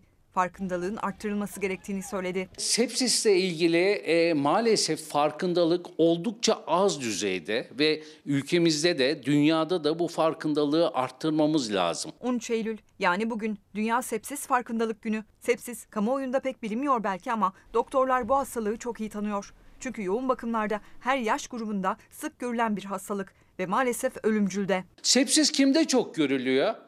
Özellikle yaşlılarda, bebeklerde, bağışıklık sistemi bozukluğu olanlarda, travma geçirenlerde, yanık geçirenlerde, Covid olanlarda sepsis daha sık görülüyor. Profesör Doktor Necmettin Ünal anlattı sepsis hastalığını ve hastalığın ulaştığı ölümcül boyutu. Sepsis ne? Vücuttaki herhangi bir enfeksiyon nedeniyle sitokin fırtınası oluşuyor ve organlarda fonksiyon bozukluğu başlıyorsa buna sepsis ismi veriyoruz. Covid nedeniyle yoğun bakıma yatan hastaların %76'sında sepsis gelişti. Ünal farkındalıkla, erken tanı ve tedaviyle sepsisle mücadelenin kolaylaşacağını ifade etti. Tercih yoğun bakıma girmemek, sepsis olmamak ve mümkünse de enfeksiyonlara yakalanmamak. Bunun için enfeksiyonlardan korunma tedbirlerini almak zorundayız. Sonbahar dönemi içinde uyarılarda bulunan Ünal, COVID-19 ve diğer viral enfeksiyonlarda artış gözlenebileceğinin altını çizdi. Enfeksiyonlar açısından, COVID açısından, diğerleri açısından daha tehlikede olduğumuz bir dönem gelecek. Enfeksiyondan korunmanın birinci yolu aşı olmak. Grip aşısını özellikle yaşlılar ya da bağışıklık bozukluğu olanlar olsunlar. Zatürre aşısını uygun spektrumdaki hastalar, mut kişiler mutlaka olsunlar.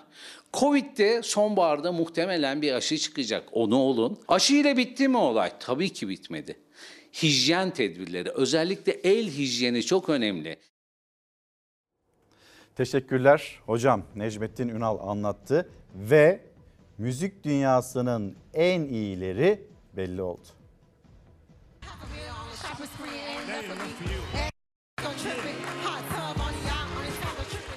Müzik dünyasının bu yıla damgasını vuran isimleri belli oldu. Amerikalı şarkıcı Taylor Swift adını bir kez daha altın harflerle geceye yazdırırken Nicki Minaj, Selena Gomez, Shakira gecenin konuşulan isimlerinden oldu. Moda defilesine dönen bir gece hafızalardan silinmeyecek sahne şovları dünyanın en prestijli müzik ödülleri bu yılda görkemli törenle hayat buldu.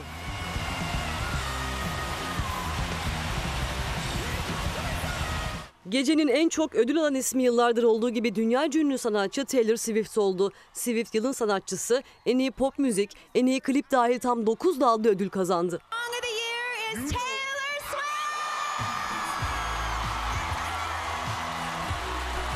Ünlü sanatçı ödülünü Justin Timberlake'in de içinde olduğu 2002 yılında dağılan efsanevi pop grubu NSYNC'in elinden aldı. I had I had your dolls.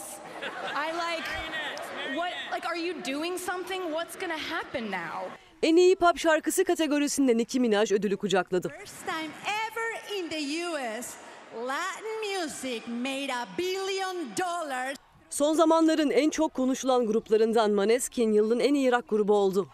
And helping me fight all my battles. Esto es para ustedes. Geceye Ariana Grande, Shakira ve daha pek çok ünlü isim sahne şovlarıyla damga vurdu.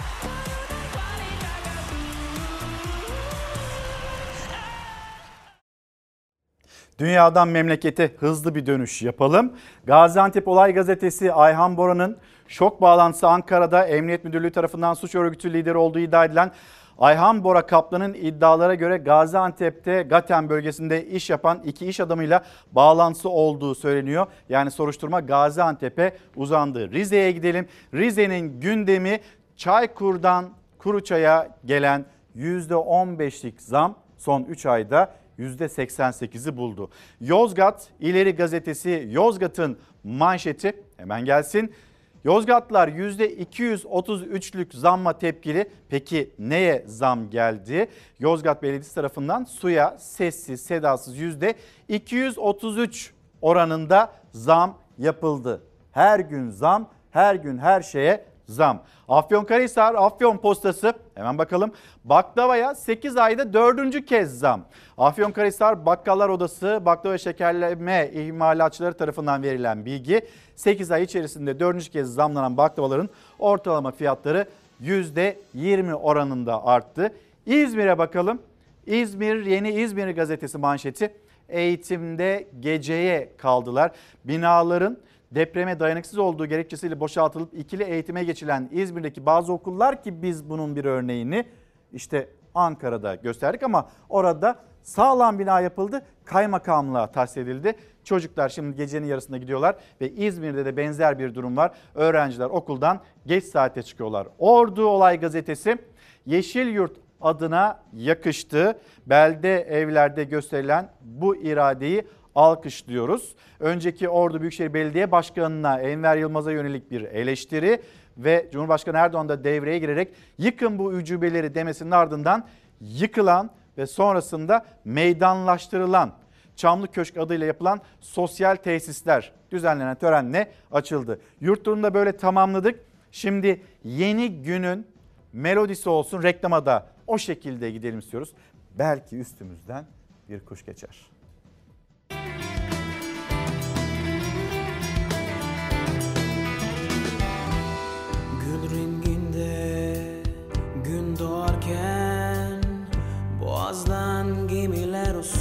Geçerken Gel çıkalım bu şehirden. Ağaçlar gökyüzü ve toprak uyurken Dolaşalım kumsallarda. Çılgın kalabalık artık uzaklarda. Yorulursan yaslan bana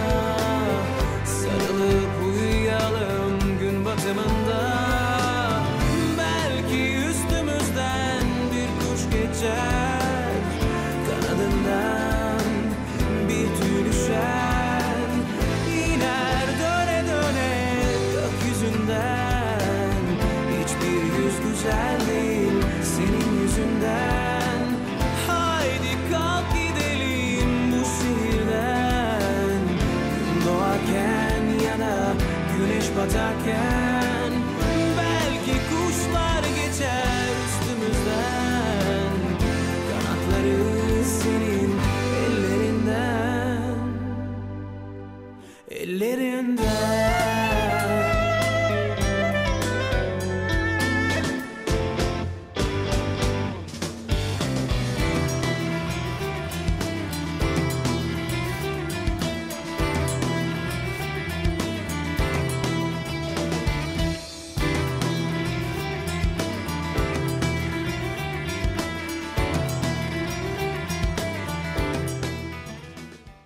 Efendim bugünü noktalıyoruz. Yarın saatler 7.45'i gösterdiğinde biz yeniden burada bu ekranda olacağız ve aynı zamanda sizleri de bekliyor olacağız. Her zamanki gibi teşekkürüm sizlere.